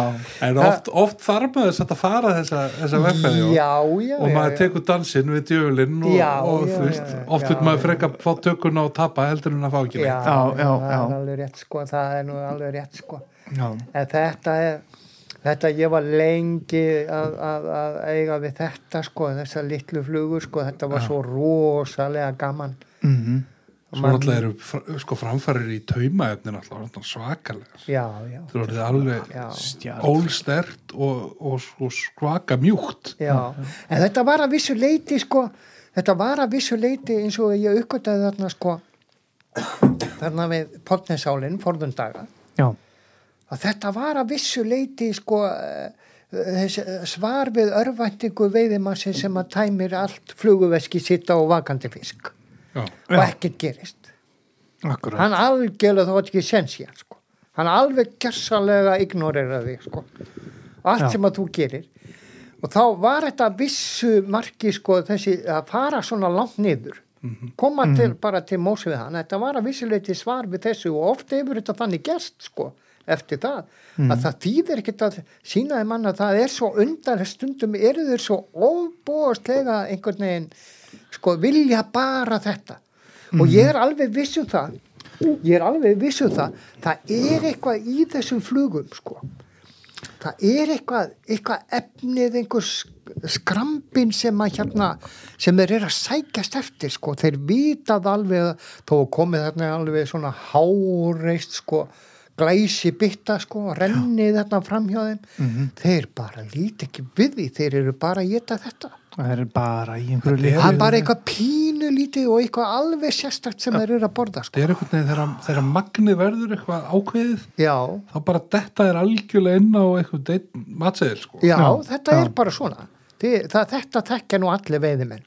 Já, þannig að ef þú ert veið maður að hlusta og átt ekki eina 22, 4, 6 og 8 í bóksninu þá þetta kipa því í leiðin Já, en það er líka það er þetta, ég, á, ég hef nú veitt alveg niður í 32 en, en 28 er nú svona bara alveg Víðaminnsta. á já, 28 er, er allt í lagi sko. En maður, það, það, ég held að það teiki sko, lang flestir sem er að hlusta við það standa við á eða vatn já, fullt af lífi og það er sko eiginlega of mikið líf sko. já, því að þú átt og þú finnur það að þú átt ekki séns. Já, og sér já, fisk vaka í Já, og þá er það sem við rýfum þessa flugu fram já, það er akkurat þannig sko. Þú er búin að spæna bóksið og já, ekkert gerist ekkert gerist og hann heldur áfram að vaka og Akkur, akkur. Hann bara vinkar þér sko. já. Er já, já, en þetta, þannig að, þannig að þetta var nú þe- þetta, já þetta var svona þróunin í, í þessu sko. Frábært. A- Átt þú, Jón, einhver, einhver svona hefur þú tekið einhver vídeo á þér að nýta þessar flugurlínar, gal, gal, galdraleppina Nei, ekki ég, en það er nú til Þetta einhverjar er komið í videómyndir. bókum. Já, Þetta er já, þetta er já. komið í bókum. Silungaflugur á Íslandi já, já, já, já, það Já, eru já. góða myndir af þessum flugum og, Já, já, já. og hérna já, og galdralöpur nú farin að fást í öllum betri stangaði veslunum ég held að þetta viti hvort við já, búin að ég segja. frétti nú síðast aðinni bara í, já, á Nýja Sjálandi. Já. Já, já, þeir, Það er hún er þekkt Það hún er er þekkt útibú frá veiðifélaginu? Nei, en það er, hún er, hún er svona skapað sitt sess í, í Skandinavíu já, ég hef sett Já, menn já. ég sett þetta, eða kuna sem ég hef verið með hérna og enda með þetta í mm -hmm. sjóbrytisviðum í Argentínu Já, já, já, já, þú veit sjóbrytika og þú talar um lagsa í Rúslandi og, já. já, já, og annað, en hérna mér langar að spyrja það öðru, Jón Já. þetta er náttúrulega ótrúlega gaman að spjalla við þig hérna Ég við, held við, að við getum nú verið hérna í allt við, við, erum, Já, við, erum, við erum konurinn í overtime og ég held Já. að við verðum bara að fara aðeins inn, inn í overtime Við bara gerum það ekki Það er ekki degi sem við fáum svona svona reynslu. höfðingja sko. Heyrðu, Svartá í Bárðardal já, hún hefur nú lengi staðinari og stendur enn. já, já, uh, ég hef veitt þarna einu sinni upp í Svartakoti og ég ætla nú eitthvað að fara að bæta á þá reynslu mína. Já, að, staður mér dreymum að veiða hana já. Uh, getur sagt okkur aðeins svona frá þinnir einslega þessar á svona langar með aðeins einbra við og eftir um svona þinnum náttúruvendar hugssjónum og annað sko. Já, já, Já, já, ég ég, sko svartá er margstungi vatn, sko. Margstungi ná. Og ég nefndi að við erum að tala um Svartá í Bárðardal. Bárðardal, Bárðardal. já, við erum að tala um Bárðardal. Og, og ekki Bárðardal. Já, já, já, við, Já. Get, já, við, við sko Svartá og neðan Bárðardals. Og ofan Bárðardal já, sko, sjá, sjáu þið nú til. Þetta er sko uh, svartá á upptök sín uh, uh, í Suðurabotn sem er í 450 metra hæð. Já, og su, uh, uh, þetta, þetta er bara í jæðri ódóðarhraunns og inn í mhm, þetta er fyrir það sem átt sig ekki alveg hvað þetta er. Þetta er, þetta er þú kerir yfir brúna hjá Góðafossi og beigir upp í, upp í Bárðardal Já, já. upp, upp með hérna skjálfandafljóti og, og það lengst upp til. Já, já, Já. já, já, og svo keirir bara, þú í rauninni ferðu úr, þú keirir hjá, það sem þú beigir af veginu hjá Rauðumýri og þar, það sem að hún saminast, það rennur í skjálfandafljótið, sko, svartáin, mhm, þá, þá er, nær hún alveg, sko, það eru einir 25 kilometrar, sko, upp í Suðurabotna, já, viðbúð. En Suðurabotna, sko, þetta er náttúrulega, þarna ertu komin upp á hálendi Íslands já, já. og þarna kemur, þetta er alveg ótrúlegt uh, ótrúlegt vatn sko, það, kem, það koma þarna upp úr svona cirka 15 rúmetrar af, af, af kristaltælu li- lindarvatni sko. ísköldu já, kristal- já, þetta er náttúrulega sko, þetta er eitt af því sem er alveg típist þarna sko fyrir og alveg einkennandi þarna fyrir fyrir norðausturlandið sko fyrir, fyrir í, í náttúru fari tingeðarsíslu Aha, að það er það, það er ótáðarhraunni sjátt, það er þessi mikla hraunbreiða sem er þarna við, þú veist að það er hólurhraunið og allt þarna norðan á jöklinum og sem við köllum ótáðarhraun sem að hefur yfir sér það er búa útilegu menn og, og menn það er í Já. ótáðarhrauni og þetta hefur Já. svona tilkall sko í sérstakann stall í, huga Íslendinga. Heldur betur. Heldur betur og þetta er ennþá eitt ósnortnasta svæði landsins. En, en hérna sko það er alveg einkennandi fyrir þetta svæði það er, er það að, að öll rigning all, all, all, all snjór og önnur úrkoma sem er best á þetta svæði hann sígur í jörðina. Raunni bara dregur þetta í sig allt saman en svo koma á nokkru stöðum þá eru þess að kröftugu lindir. Mm og þetta eru bara eina stærstu lindum landsins. Já, já, og bara þegar sko, okkur finnst lindarvatn sko, við erum aðtúa það að lindarvatn er bara einstakt í heiminum sko, í þeim skilningi sem við þekkjum. Já, já, stærsta lindin er mývat sjálf Já, já, með lagsa næst stærsta lindin undan þessu svæði eru söðurabotnar já.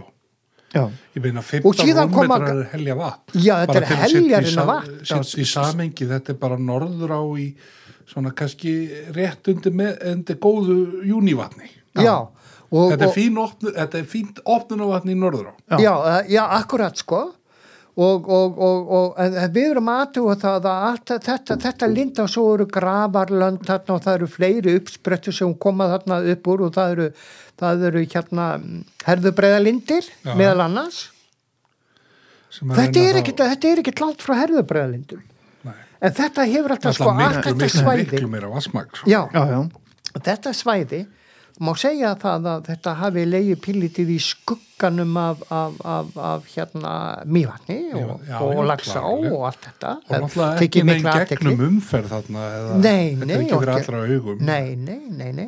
Og svo er þetta líka sko þetta, þetta vatn, sko þetta lindavatn eins og til dæmis í lags og mývatn og allt þetta sko. Þetta er náttúrulega einstaklega lífrænt vatn. Þetta, er, er steinefna ríkt og kemur.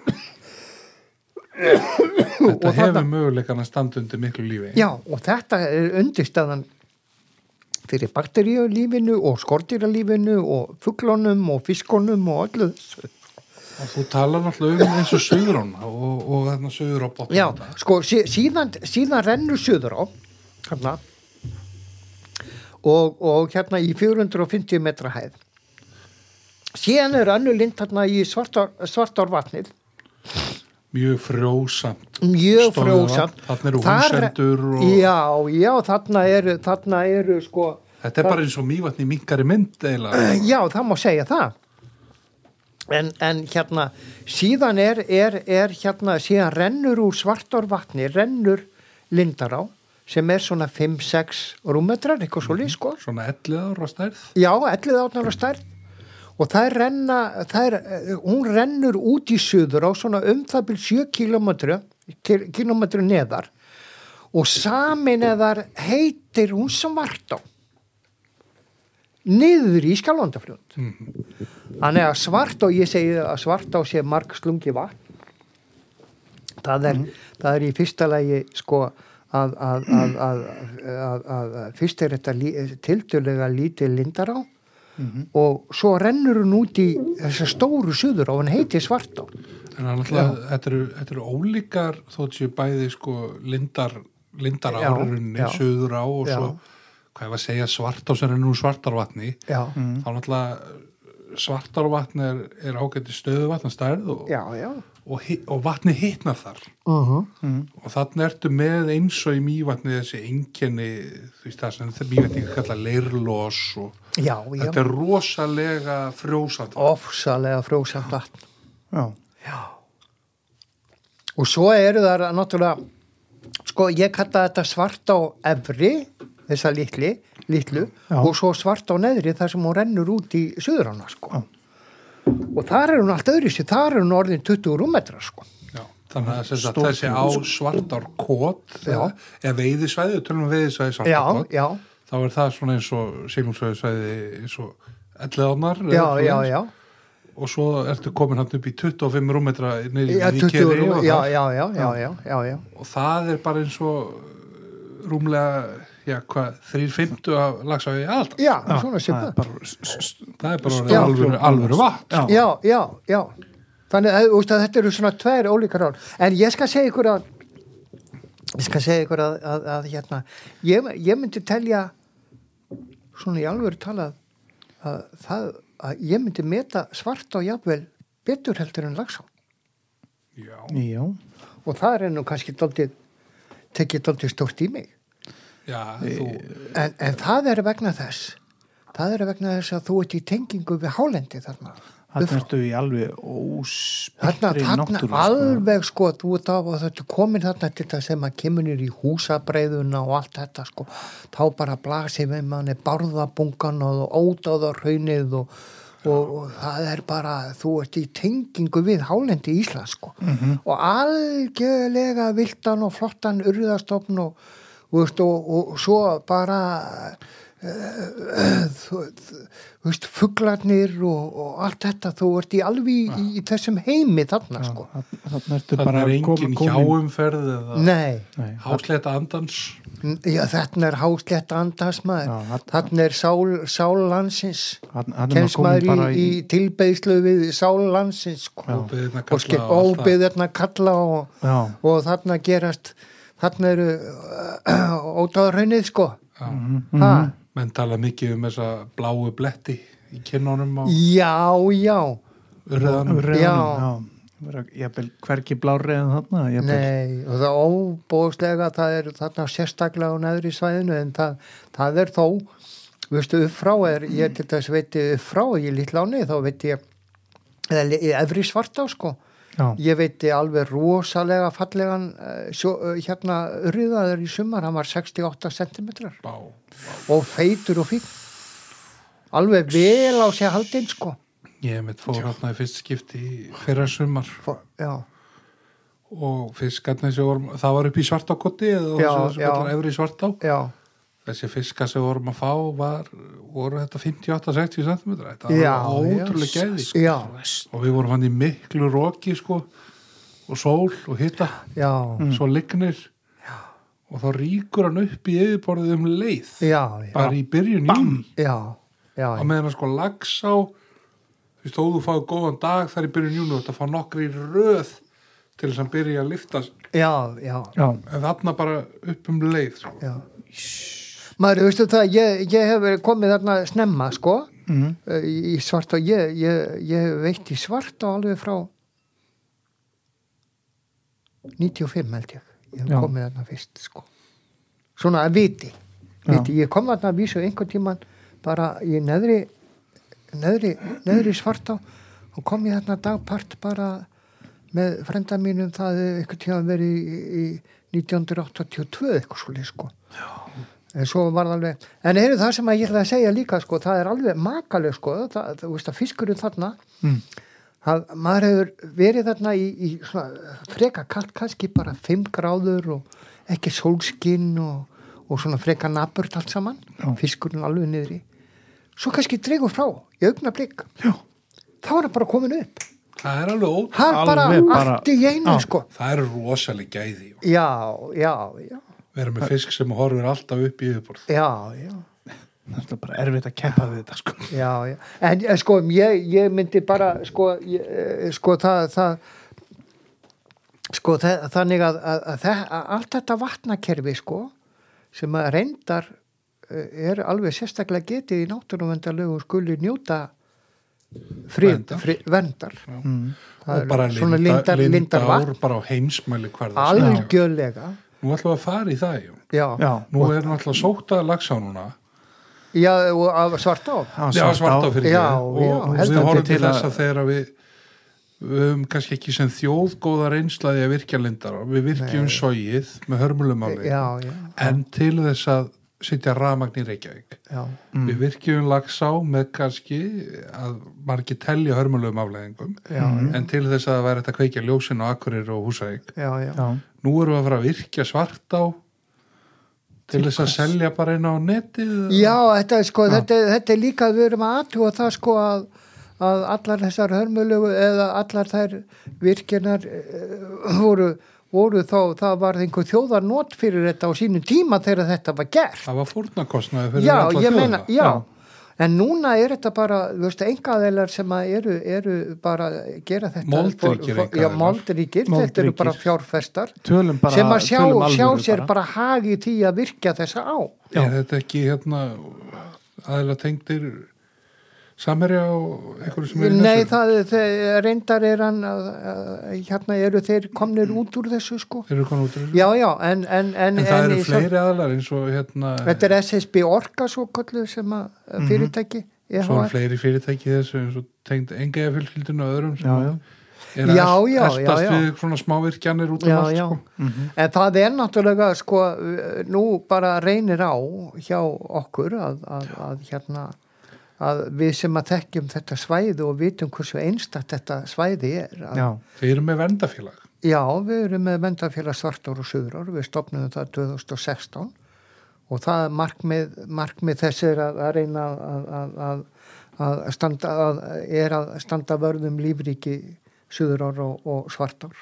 Við hvetjum alla til að finna þetta þetta er, þetta er á Facebook Já, já. Við- vendafélag svartar Já, og við, suðurar við Já. komum inn á þetta Sigþór uh, þegar við uh, setjum þáttinn í loftið og þá hendum við þessum Já, já, jafnvel við, með við og hendum þessu inn á Instagram og Facebook Já, og, já. og all, Já. allt hjá okkur Já, já.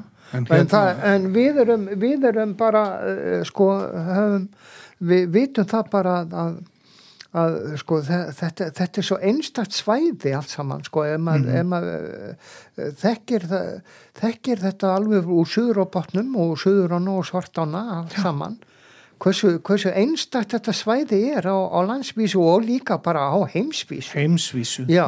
bara mínusum og þá Ísland verðum bara. við bara við verðum bara standa vörnum svona svæði svona Já. svæði eru alveg einstök og við megum ekki láta skemma þetta á heimsvísu, mér finnst sko. þess að hugsa sko, hann myndi komið þarna og rúnta þarna um í þrjá daga og kíkt þarna nýr á víðikjær og svona og við erum ekki veittar og svona Já.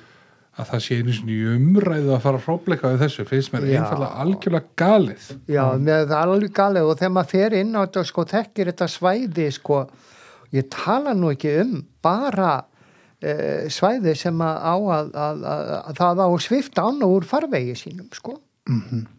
Sem- setja hana bara í rör sem gerir þetta náttúrulega bara af einhverju rusli sko. já, þannig að, að, að bara stendur uh, á að standa stendur farvegurinn eftir já, Já, og með seitlar eitthvað, Seytl- hann já. kemur öruglega til með að þarna og, og, Já, já, já. en þarna er þetta mikið fall í ánni Mhm. og að lappa með þessari á sko og sjá glæfruna og, og allt þetta sem að er þarna til staðar í, í, í það sem hún rennur þarna á milli gróna grunda og, og svo úfið hraunið hínum megin sko og Mhm. allt fallið og ströymar og, og flúðir og fossar og fiskar og fuglar og, og, og einstakur gróður, gróður sem að nær sko alveg frá lálendinu upp með þessari á og alveg upp, að, upp í ódöðurinn sko. þetta er lífæð Þetta, það, þú veist, og ef að mér ætla að spilla þessu á einhvern hátt, sko, þá, það, það má ekki í mínu muga alls ekki gera það. Ég held að Já, við, við við, séum algjörlega saman á því já, já. Segðu mér hérna, hvað er þetta stór virkjun í megavættum sem á að reysa 9,8 megawatt. hvað þarf virkjun að vera stór til að vera í umhverfismat Nei, sko, þetta, sko... hún Er þarf- það ekki Já, 10? tíu. Ah, þannig að Jú, þetta er tilvílun á þessi 9,8 Nei, nei. og verður potið það er það- upp í 10,5 eða eitthvað Já, er já, ég meina þetta mútur, sko, Já, já, við erum við erum, höfum náttúrulega það hefur verið eitt aðal verkefni okkar í félaginu það er að, að fara í gegnum allt koma þessi umhverfismat, koma þessi inn í ramman Mhm. þú veist, og, og koma þú veist, og svara frummatskíslunu og dröga matskíslu og allt þetta, sko, sem að byrja til skipulastofnunar við í flugkastinu verðum alveg öruglega einhver innan handar eða eitthvað, eitthvað þar Sigþór Já, við ég me- veit ekki megum hvað, berjast- við getum gert nema kannski bara vekja aðtikla á þessu já, já, við Já, verðum, já. verðum, við, við verðum með getum ekki í, í, fórna þessu og alltari sko ekki, ekki þess að hafa ljósing kveikt á Akureyri eða, eða sé hiti Innsveitum. Nei, Í sko, opnum sjá, sjá Reykjavík, eitthvað, þetta sko, er bara máli- brask Já, já, Já. þetta er náttúrulega ekkert annað, þarna er verið að braska, með, með uh, eina helstu náttúruperlu Íslands. jú, akkurat Það er bara verið að braska með hana og, og, og uh, það, það er búið að gera orkusamning, KS Orka ætlar að kaupa orkuna úr, úr svartá. mm. bara Þannig líkt á með fiskaldi mann er bara fallast hendur af, Já. af heimsku A- a- já, eiginlega og bara sko. Vankunnáttu og, og já, bara heimsku Ég held að, fólk, segir, ég held að sko það að, að þú þurfur að vera 10 megawatt til þess að vera í umhverfismat og þeir séu með þetta 9,8 segja okkur nákvæmlega að þetta er ekki vankunnata sko. nei, þeim er bara nei. sama hinn er ríku verða ríkari Já, Já. þetta er líka því miður er þetta þannig þetta, þetta er líka sko að 50% af vassréttandunum á ríkið í stóru tungu já, og það virðist manni finnst vera svona frekar óþefur af þeim samningi sem var gerður á sínu tíma sko Mhm, við ríkið. Þetta allavega fór mjög hljótt Já. og enginn vissi að, að þetta þessu samningi. bara allt í einu undan Já, og, Og það er við- einhverju landeigandur sem hafa nú kannski ekki alveg sáttu með þetta en nei, nei, þetta er, þetta er umdeilt þarna bæði í, í Bárðardal og, og, og auðvitað er þetta umdeilt í, í þetta skútustöðarheppur vil, vil uh, alls ekki að það verið farið út í þetta sko. Tingaðsveit er, er svona frekar heitt fyrir þessu sko. En þetta- Já, en þetta er allavega sko, það þarf bara Mhm. það þarf að gæta þessara hluta það, þetta, þetta, er, þetta er alveg einstakt svæði sem maður má ekki spilla svona við erum sko. með umhverfisráðherra Þetta er núna líka sem að er nú kannski nokkuð heitur í umhverfisvendar já, hann er nú korki fuglni fiskur þessi blessaði umhverfisraðara aðja, ég get ekki séð það í umræðinu er- fiskaldi eða þetta. Nei, nei kannski Nei, ekki hann tala fallega en hann gerir bara nákvæmlega ekki ræðskatt ekki resk við fáum hann hérna morgun, takk fyrir. Já, ég held að hann, hann færi nú með veggjum ef við færum að ringi hann já, allir það ekki. Jú, ég get En það er allavega, ég held að við, við verðum bara að, að, að, að, að taka okkur smá taki. Ég held í, það í allir, ég meina bara í umhverfisverndi yfir höfuð sko, jú, jú, hérna. Heldur betur. Heldur betur. heldur betur. Nú er þú mjög yfirverð í þessari umræðu þykir mér Jón. Já, og þið Meðan gerðu félagarnir fallega myndum þetta málinni Já, við á, á, stóðum svona og komum að því máli líka sko, annars á hann nú heiðurinn á því á hann Pálmi Gunnarsson Pálmi, svona já. mestu leiti sko og útgefundur og, mhm, mhm. Og, og já, það var, það var gerð þarna mynd sem að, að, að hérna e, eigi skal höggva, já, ber titilin eigi skal höggva já, já, sem að mér finnst nú ansi góðu titill og já, vera svona góður. tákrætt tákur hann skemmtileg Já. tilvinnun. Já, mhm, mhm en hérna þú er nú líka oft verið þú ert mikill náttúruvenda sinni Já, ég myndi, ég alveg heiklust mynd, mynd, myndi ég segja það að, að hérna að, eh, að maður vil eh, venda náttúrunum sem allra best og,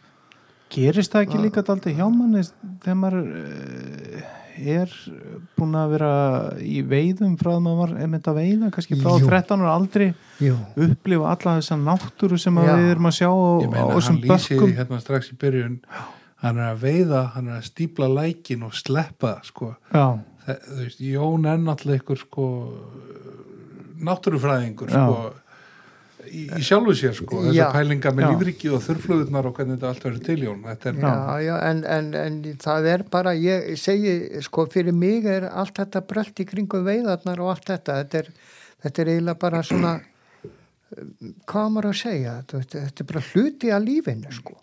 Og svo þegar maður upplifir þetta, þú veist, að vera eins og, eins og hérna þetta að, að, við svartá og lagsá, mhm og ekki um við svartána sko upplifa þessa náttúru og þessa töfra sem að felast í náttúrunni. Já. og líka það, það sem hún gefur manni sko. Mhm. Það sem, að þetta svo þetta gefur manni svo mikið að verða njótandi af allri þessari dýrð sko og öllu þessi krafti sem að og, og, og öllu þessi fríð og, og fegur sem að e, e, fylgir náttúrunni. Að Akkurat, maður bara þegar maður upplifir þetta að þá fer maður, þá getur maður ekki annað verið heldur en að, að, að maður standi fyrir því að þetta fái að berast til annara kynnslóða sko. akkurat Já, Góða Það er það sem að við hérna, berjumst aldrei mikið fyrir að já, séu fleiri sem fá að sjá og njóta Akkúrat. heldur en akkurat við sem að erum hérna í dag já, já, já það er okkar að að Já. taka við þessu og skilja þessu okkur já. Já, Og ég og get þessi alveg, spurning hérna sem að einn helsti hvað maður að segja, hugmyndafræðingur staðista stjórnmálflokks landsins sagði hvað það að komandi kynslu er gert þrokkur sko. Það krist alltaf staðst í margt í þessu.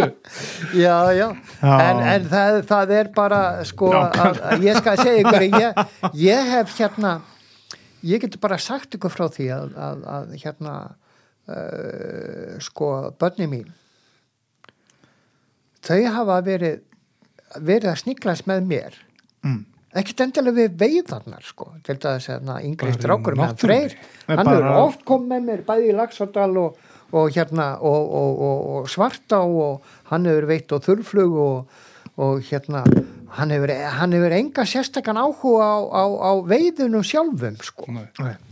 en hann er farin að sko núna er hann farin að, að hérna, hann, hann er bara pæla í umhverfinu og núna sko þegar hann er svona að verða fullorðin þá allt í hennu er þetta komið til hann sko. Já, og hann finnur þetta alveg sjálfur hvað þetta hefur verið, hvað þetta er dýrmætt allt saman.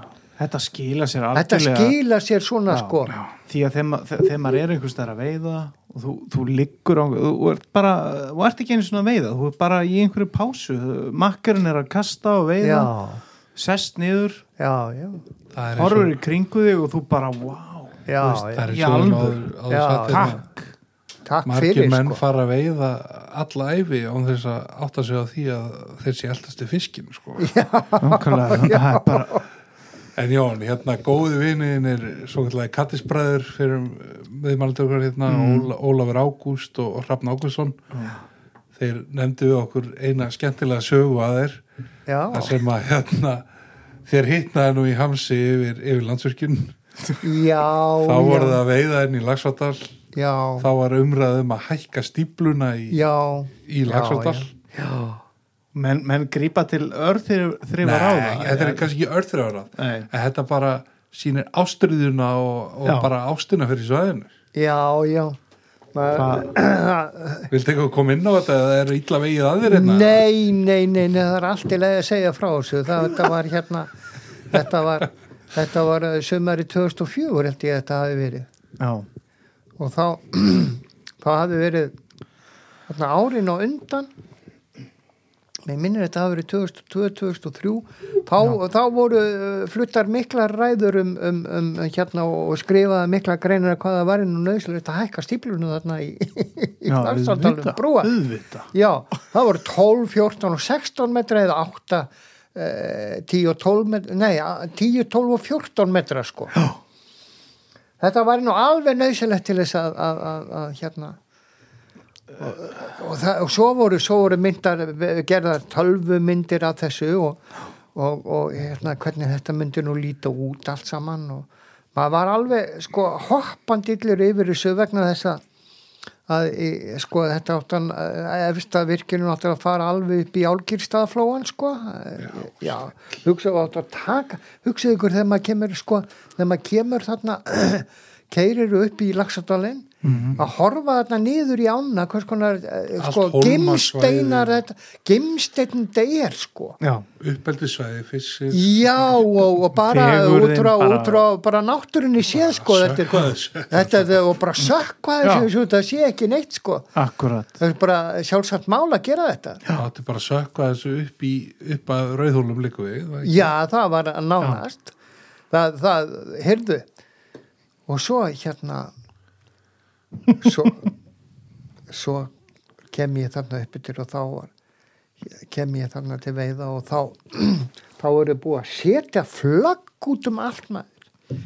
Þarna upp í hlýðunum landsvirkjun Heyrðu, þá er þeir þá er þeir með það, sko ein gul og ein rauð og ein appisinu gul flagga, flagga. Alveg það var bara lónstæðið sko. Það búið að gera línu Já. með mismöndilega flöggum. Já, já, hvar vatni væri Já. með mismöndandi hækkun Já, og já. rosa flotti kallar. Já, rosa flotti kallar og allt á kafmaður og Heyrðu, og þá var maður sko þá bara fórum við ég og félagi minn og, og sagði nú gerum við eitthvað. Já. og fórum, snérum bílnum við og kerðum niður að virkuninni og hérna var heitt í hamsi og ákvæmur að gera eitthvað og svo sáum við þarna fánan og við bara dróum hann niður og kveiktum í honum. Fyrir fram að stöðarhúsi já, já, já, já. En Svo viti, ég bara verð að segja, þetta er alltaf gott hjá okkur bara. Já, þetta bara var- láta vita af þessu bara, sko, þetta, það, menn væri ekki dauðir úr öllum æðum þarna en þá. þarna, þarna heyri að það væri, það væri ekki sátt um það að drekja lagsa Nei, Nei, það er það ekki lengur. Nei. Nei, og ég skal aldrei- segja ykkur, ég skal segja ykkur það að það er alveg ótrúlegt eftir að, að, að þessi sáttmáli var gerður á sínu tíma þarna 1973 held ég að það verið Já. þarna í, á stóritjörnum. Já, milli landegend og, og, og, og, og, og, og Ramarsveit Akureyra sko að Já. það ætti ekki að gera neitt en þá voru þeir alltaf já, þeir voru alltaf að hakka í þessu alltaf að alltaf að brjóta Já. stöðut í þessu völlum til að uh, þetta er tómar alltaf ágruna þvílíku dónaskapur að sitja bara þessi flögg. já og heyrðu og svo vorum við þarna svo vorum við þarna við veiðar og, og þá mætti löggan upp yttir og taka Já, okkur fasta stöðastjóri búin að ríkja á lögguna, skemmtaverkar. Já, já. já, já.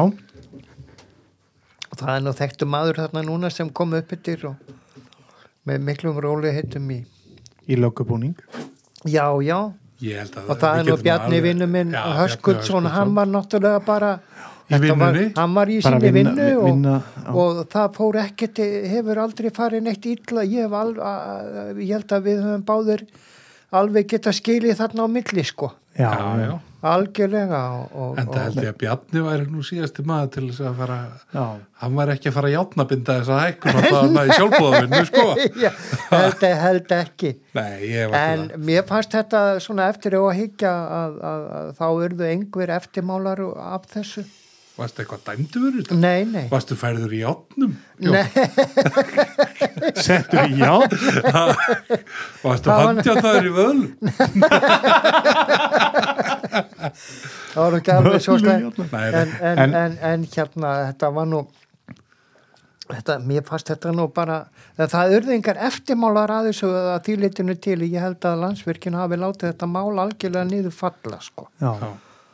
Þó að uh, við En það hefðu þau kannski ekki vilja vekja aðtikla á því að þeir væri búin að marka þetta allt Nei, og flagga ég- allt í, allt í spagetti þarna Nei, ég held að enda voru við líka alveg staðrannir í því, ég og félagi minn að ef að svo yrði þá myndum við bara fylgja þessu vel eftir sjálfur sko. Já, já, Þannig og- að þetta hefði vakið mikla aðtegli. já eins og þið heyrið hlustendur að þá, þá er hann harðari en Hann er til alls líklega. hann, hann er mjög rólegur hérna hjá okkur hann er granít harður En Jón, ég held við getum haldið áfram í allan nótt og bara ótrúlega fróðlegt og gaman að fá að spjalla við þig. Já, það er gaman að hitta ykkur hérna. Hérna. Þú Jón Sigþór, hann, hann hefur er- blásið aldrei mikið um æfina Hann er tónlistamæður. þetta er, er, þetta er einn annar tónlistamæður sem við fáum. Þetta er allt mjög mikið tónlistaneyði menn hérna. en hann, Já, hann, já. hann tók ekki þátt í Rocky Reykjavík. Við erum búin að fá þó nokkuð þó marga. nokkuð margir sem voru í Rocky Reykjavík. Já, Jón náðu því ekki. Er svo vitum. ekki svo við nei, já, já, ég, hérna, vitum já, býttu nú við. Nei, eh, Rocky Reykjavík, nei, nei, ég náði því, ég var þá bara út í miða-Evrópu, þegar Rocky Reykjavík var hérna. já, Ég var, var hérna, ég bjói, bjói einn átt ári í Austuríki. Að Við að sinna klaranitleik? Já, ég var, að, ég var að læra tónlist þar út í Vínaborg og, og, og svo eftir að ég, eftir, eftir námið þá vann ég það líka og, Já, og hérna, já, þannig að ég kemur svona meira úr klassíska geirunum. En þá Já, er nú líka þitt, einstaklega veiðigandi. já, heldur Já, betur ég held það ég er bara- illa frá vín bara- bara, nánast Já, það er bara Di Forelle. Di Forelle Já, Schubert. Schubert. Schubert. Já, Eða með Schubert, eftir Schubert. Eftir eftir Schubert. Schubert er ekki með Við erum að vennjast þessu, þetta er ekki rappari sko. já, já, og bara einhvern góðan söngvara. Dietrich Fischer Diská væri náttúrulega alveg dásalegt ef, þið- ef þið hafið upp á því. Við gerum okkar besta. ég, ég besta, geri en- þetta með þetta, þetta nú í huga. Eitthvað, tenging, er þetta, er þetta núvitutin þegar þú blasir á sk- sköpunarverki blasir fyrir og Já, það er líka að það verið svo gaman að ég hef nú verið mikið með honum áskýri stengrinsinni trompetleikara, trompetleikara, og, já. og veiði séni. Já, já, þið hafið blásið mikið saman. Já, við, við, við höfum gert það en, en Ásker hefur alveg séð um það í sínu holli að, að sjá um að vekja fólk. Og hann vekur fólk á mjög Með skemmtileg trompet, ha- já, mjög skemmtilegan hátt. Já, með ljúfun trompetplæstri já, og þar er hérna kemur Di Forelle er, er eitt af hans uppáhaldslögum þarna í þessu þannig að hann vekur ykkur ljúflega með trompetinum og Já. Di Forelle já, já, já, já Ég hef séð ykkur að myndir að það sem að stendur hann upp á hól fyrir utan rauðóla og, og trompetið einhvern veginn ómar af flóanum. já, já, Þetta er ótrúlega romantík. Já, já. Heldur betur. En Jóna Alsteinn, hérna, Schubert er farin í gang. Já, þakka þér og Schubert. hérna, þakka þér miklu frekar fyrir komuna Já. og, og, bara, takk kærlega. Já, gaman, að, gaman að vera hérna með ykkur og bara góða vegi. já, sem Takk. sömuleiðis. Die launische Forelle vorüber wie ein Pfeil. Ich stand an dem Gestade und sah in süßer Ruhe des muntern Fischleins Bade im klaren Bächlein zu. Des muntern Fischleins Bade im klaren Bächlein zu.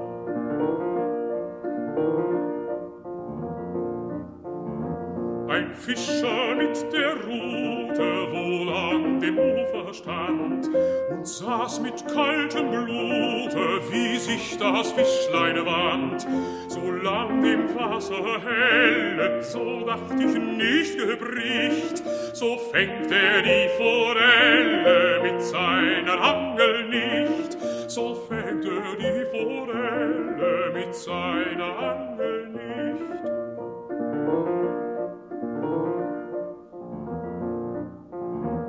doch endlich ward dem Diebe die Zeit zu lang. Er macht das Bächlein tückisch trübe, und eh ich es gedacht, so zog er seine Ruten.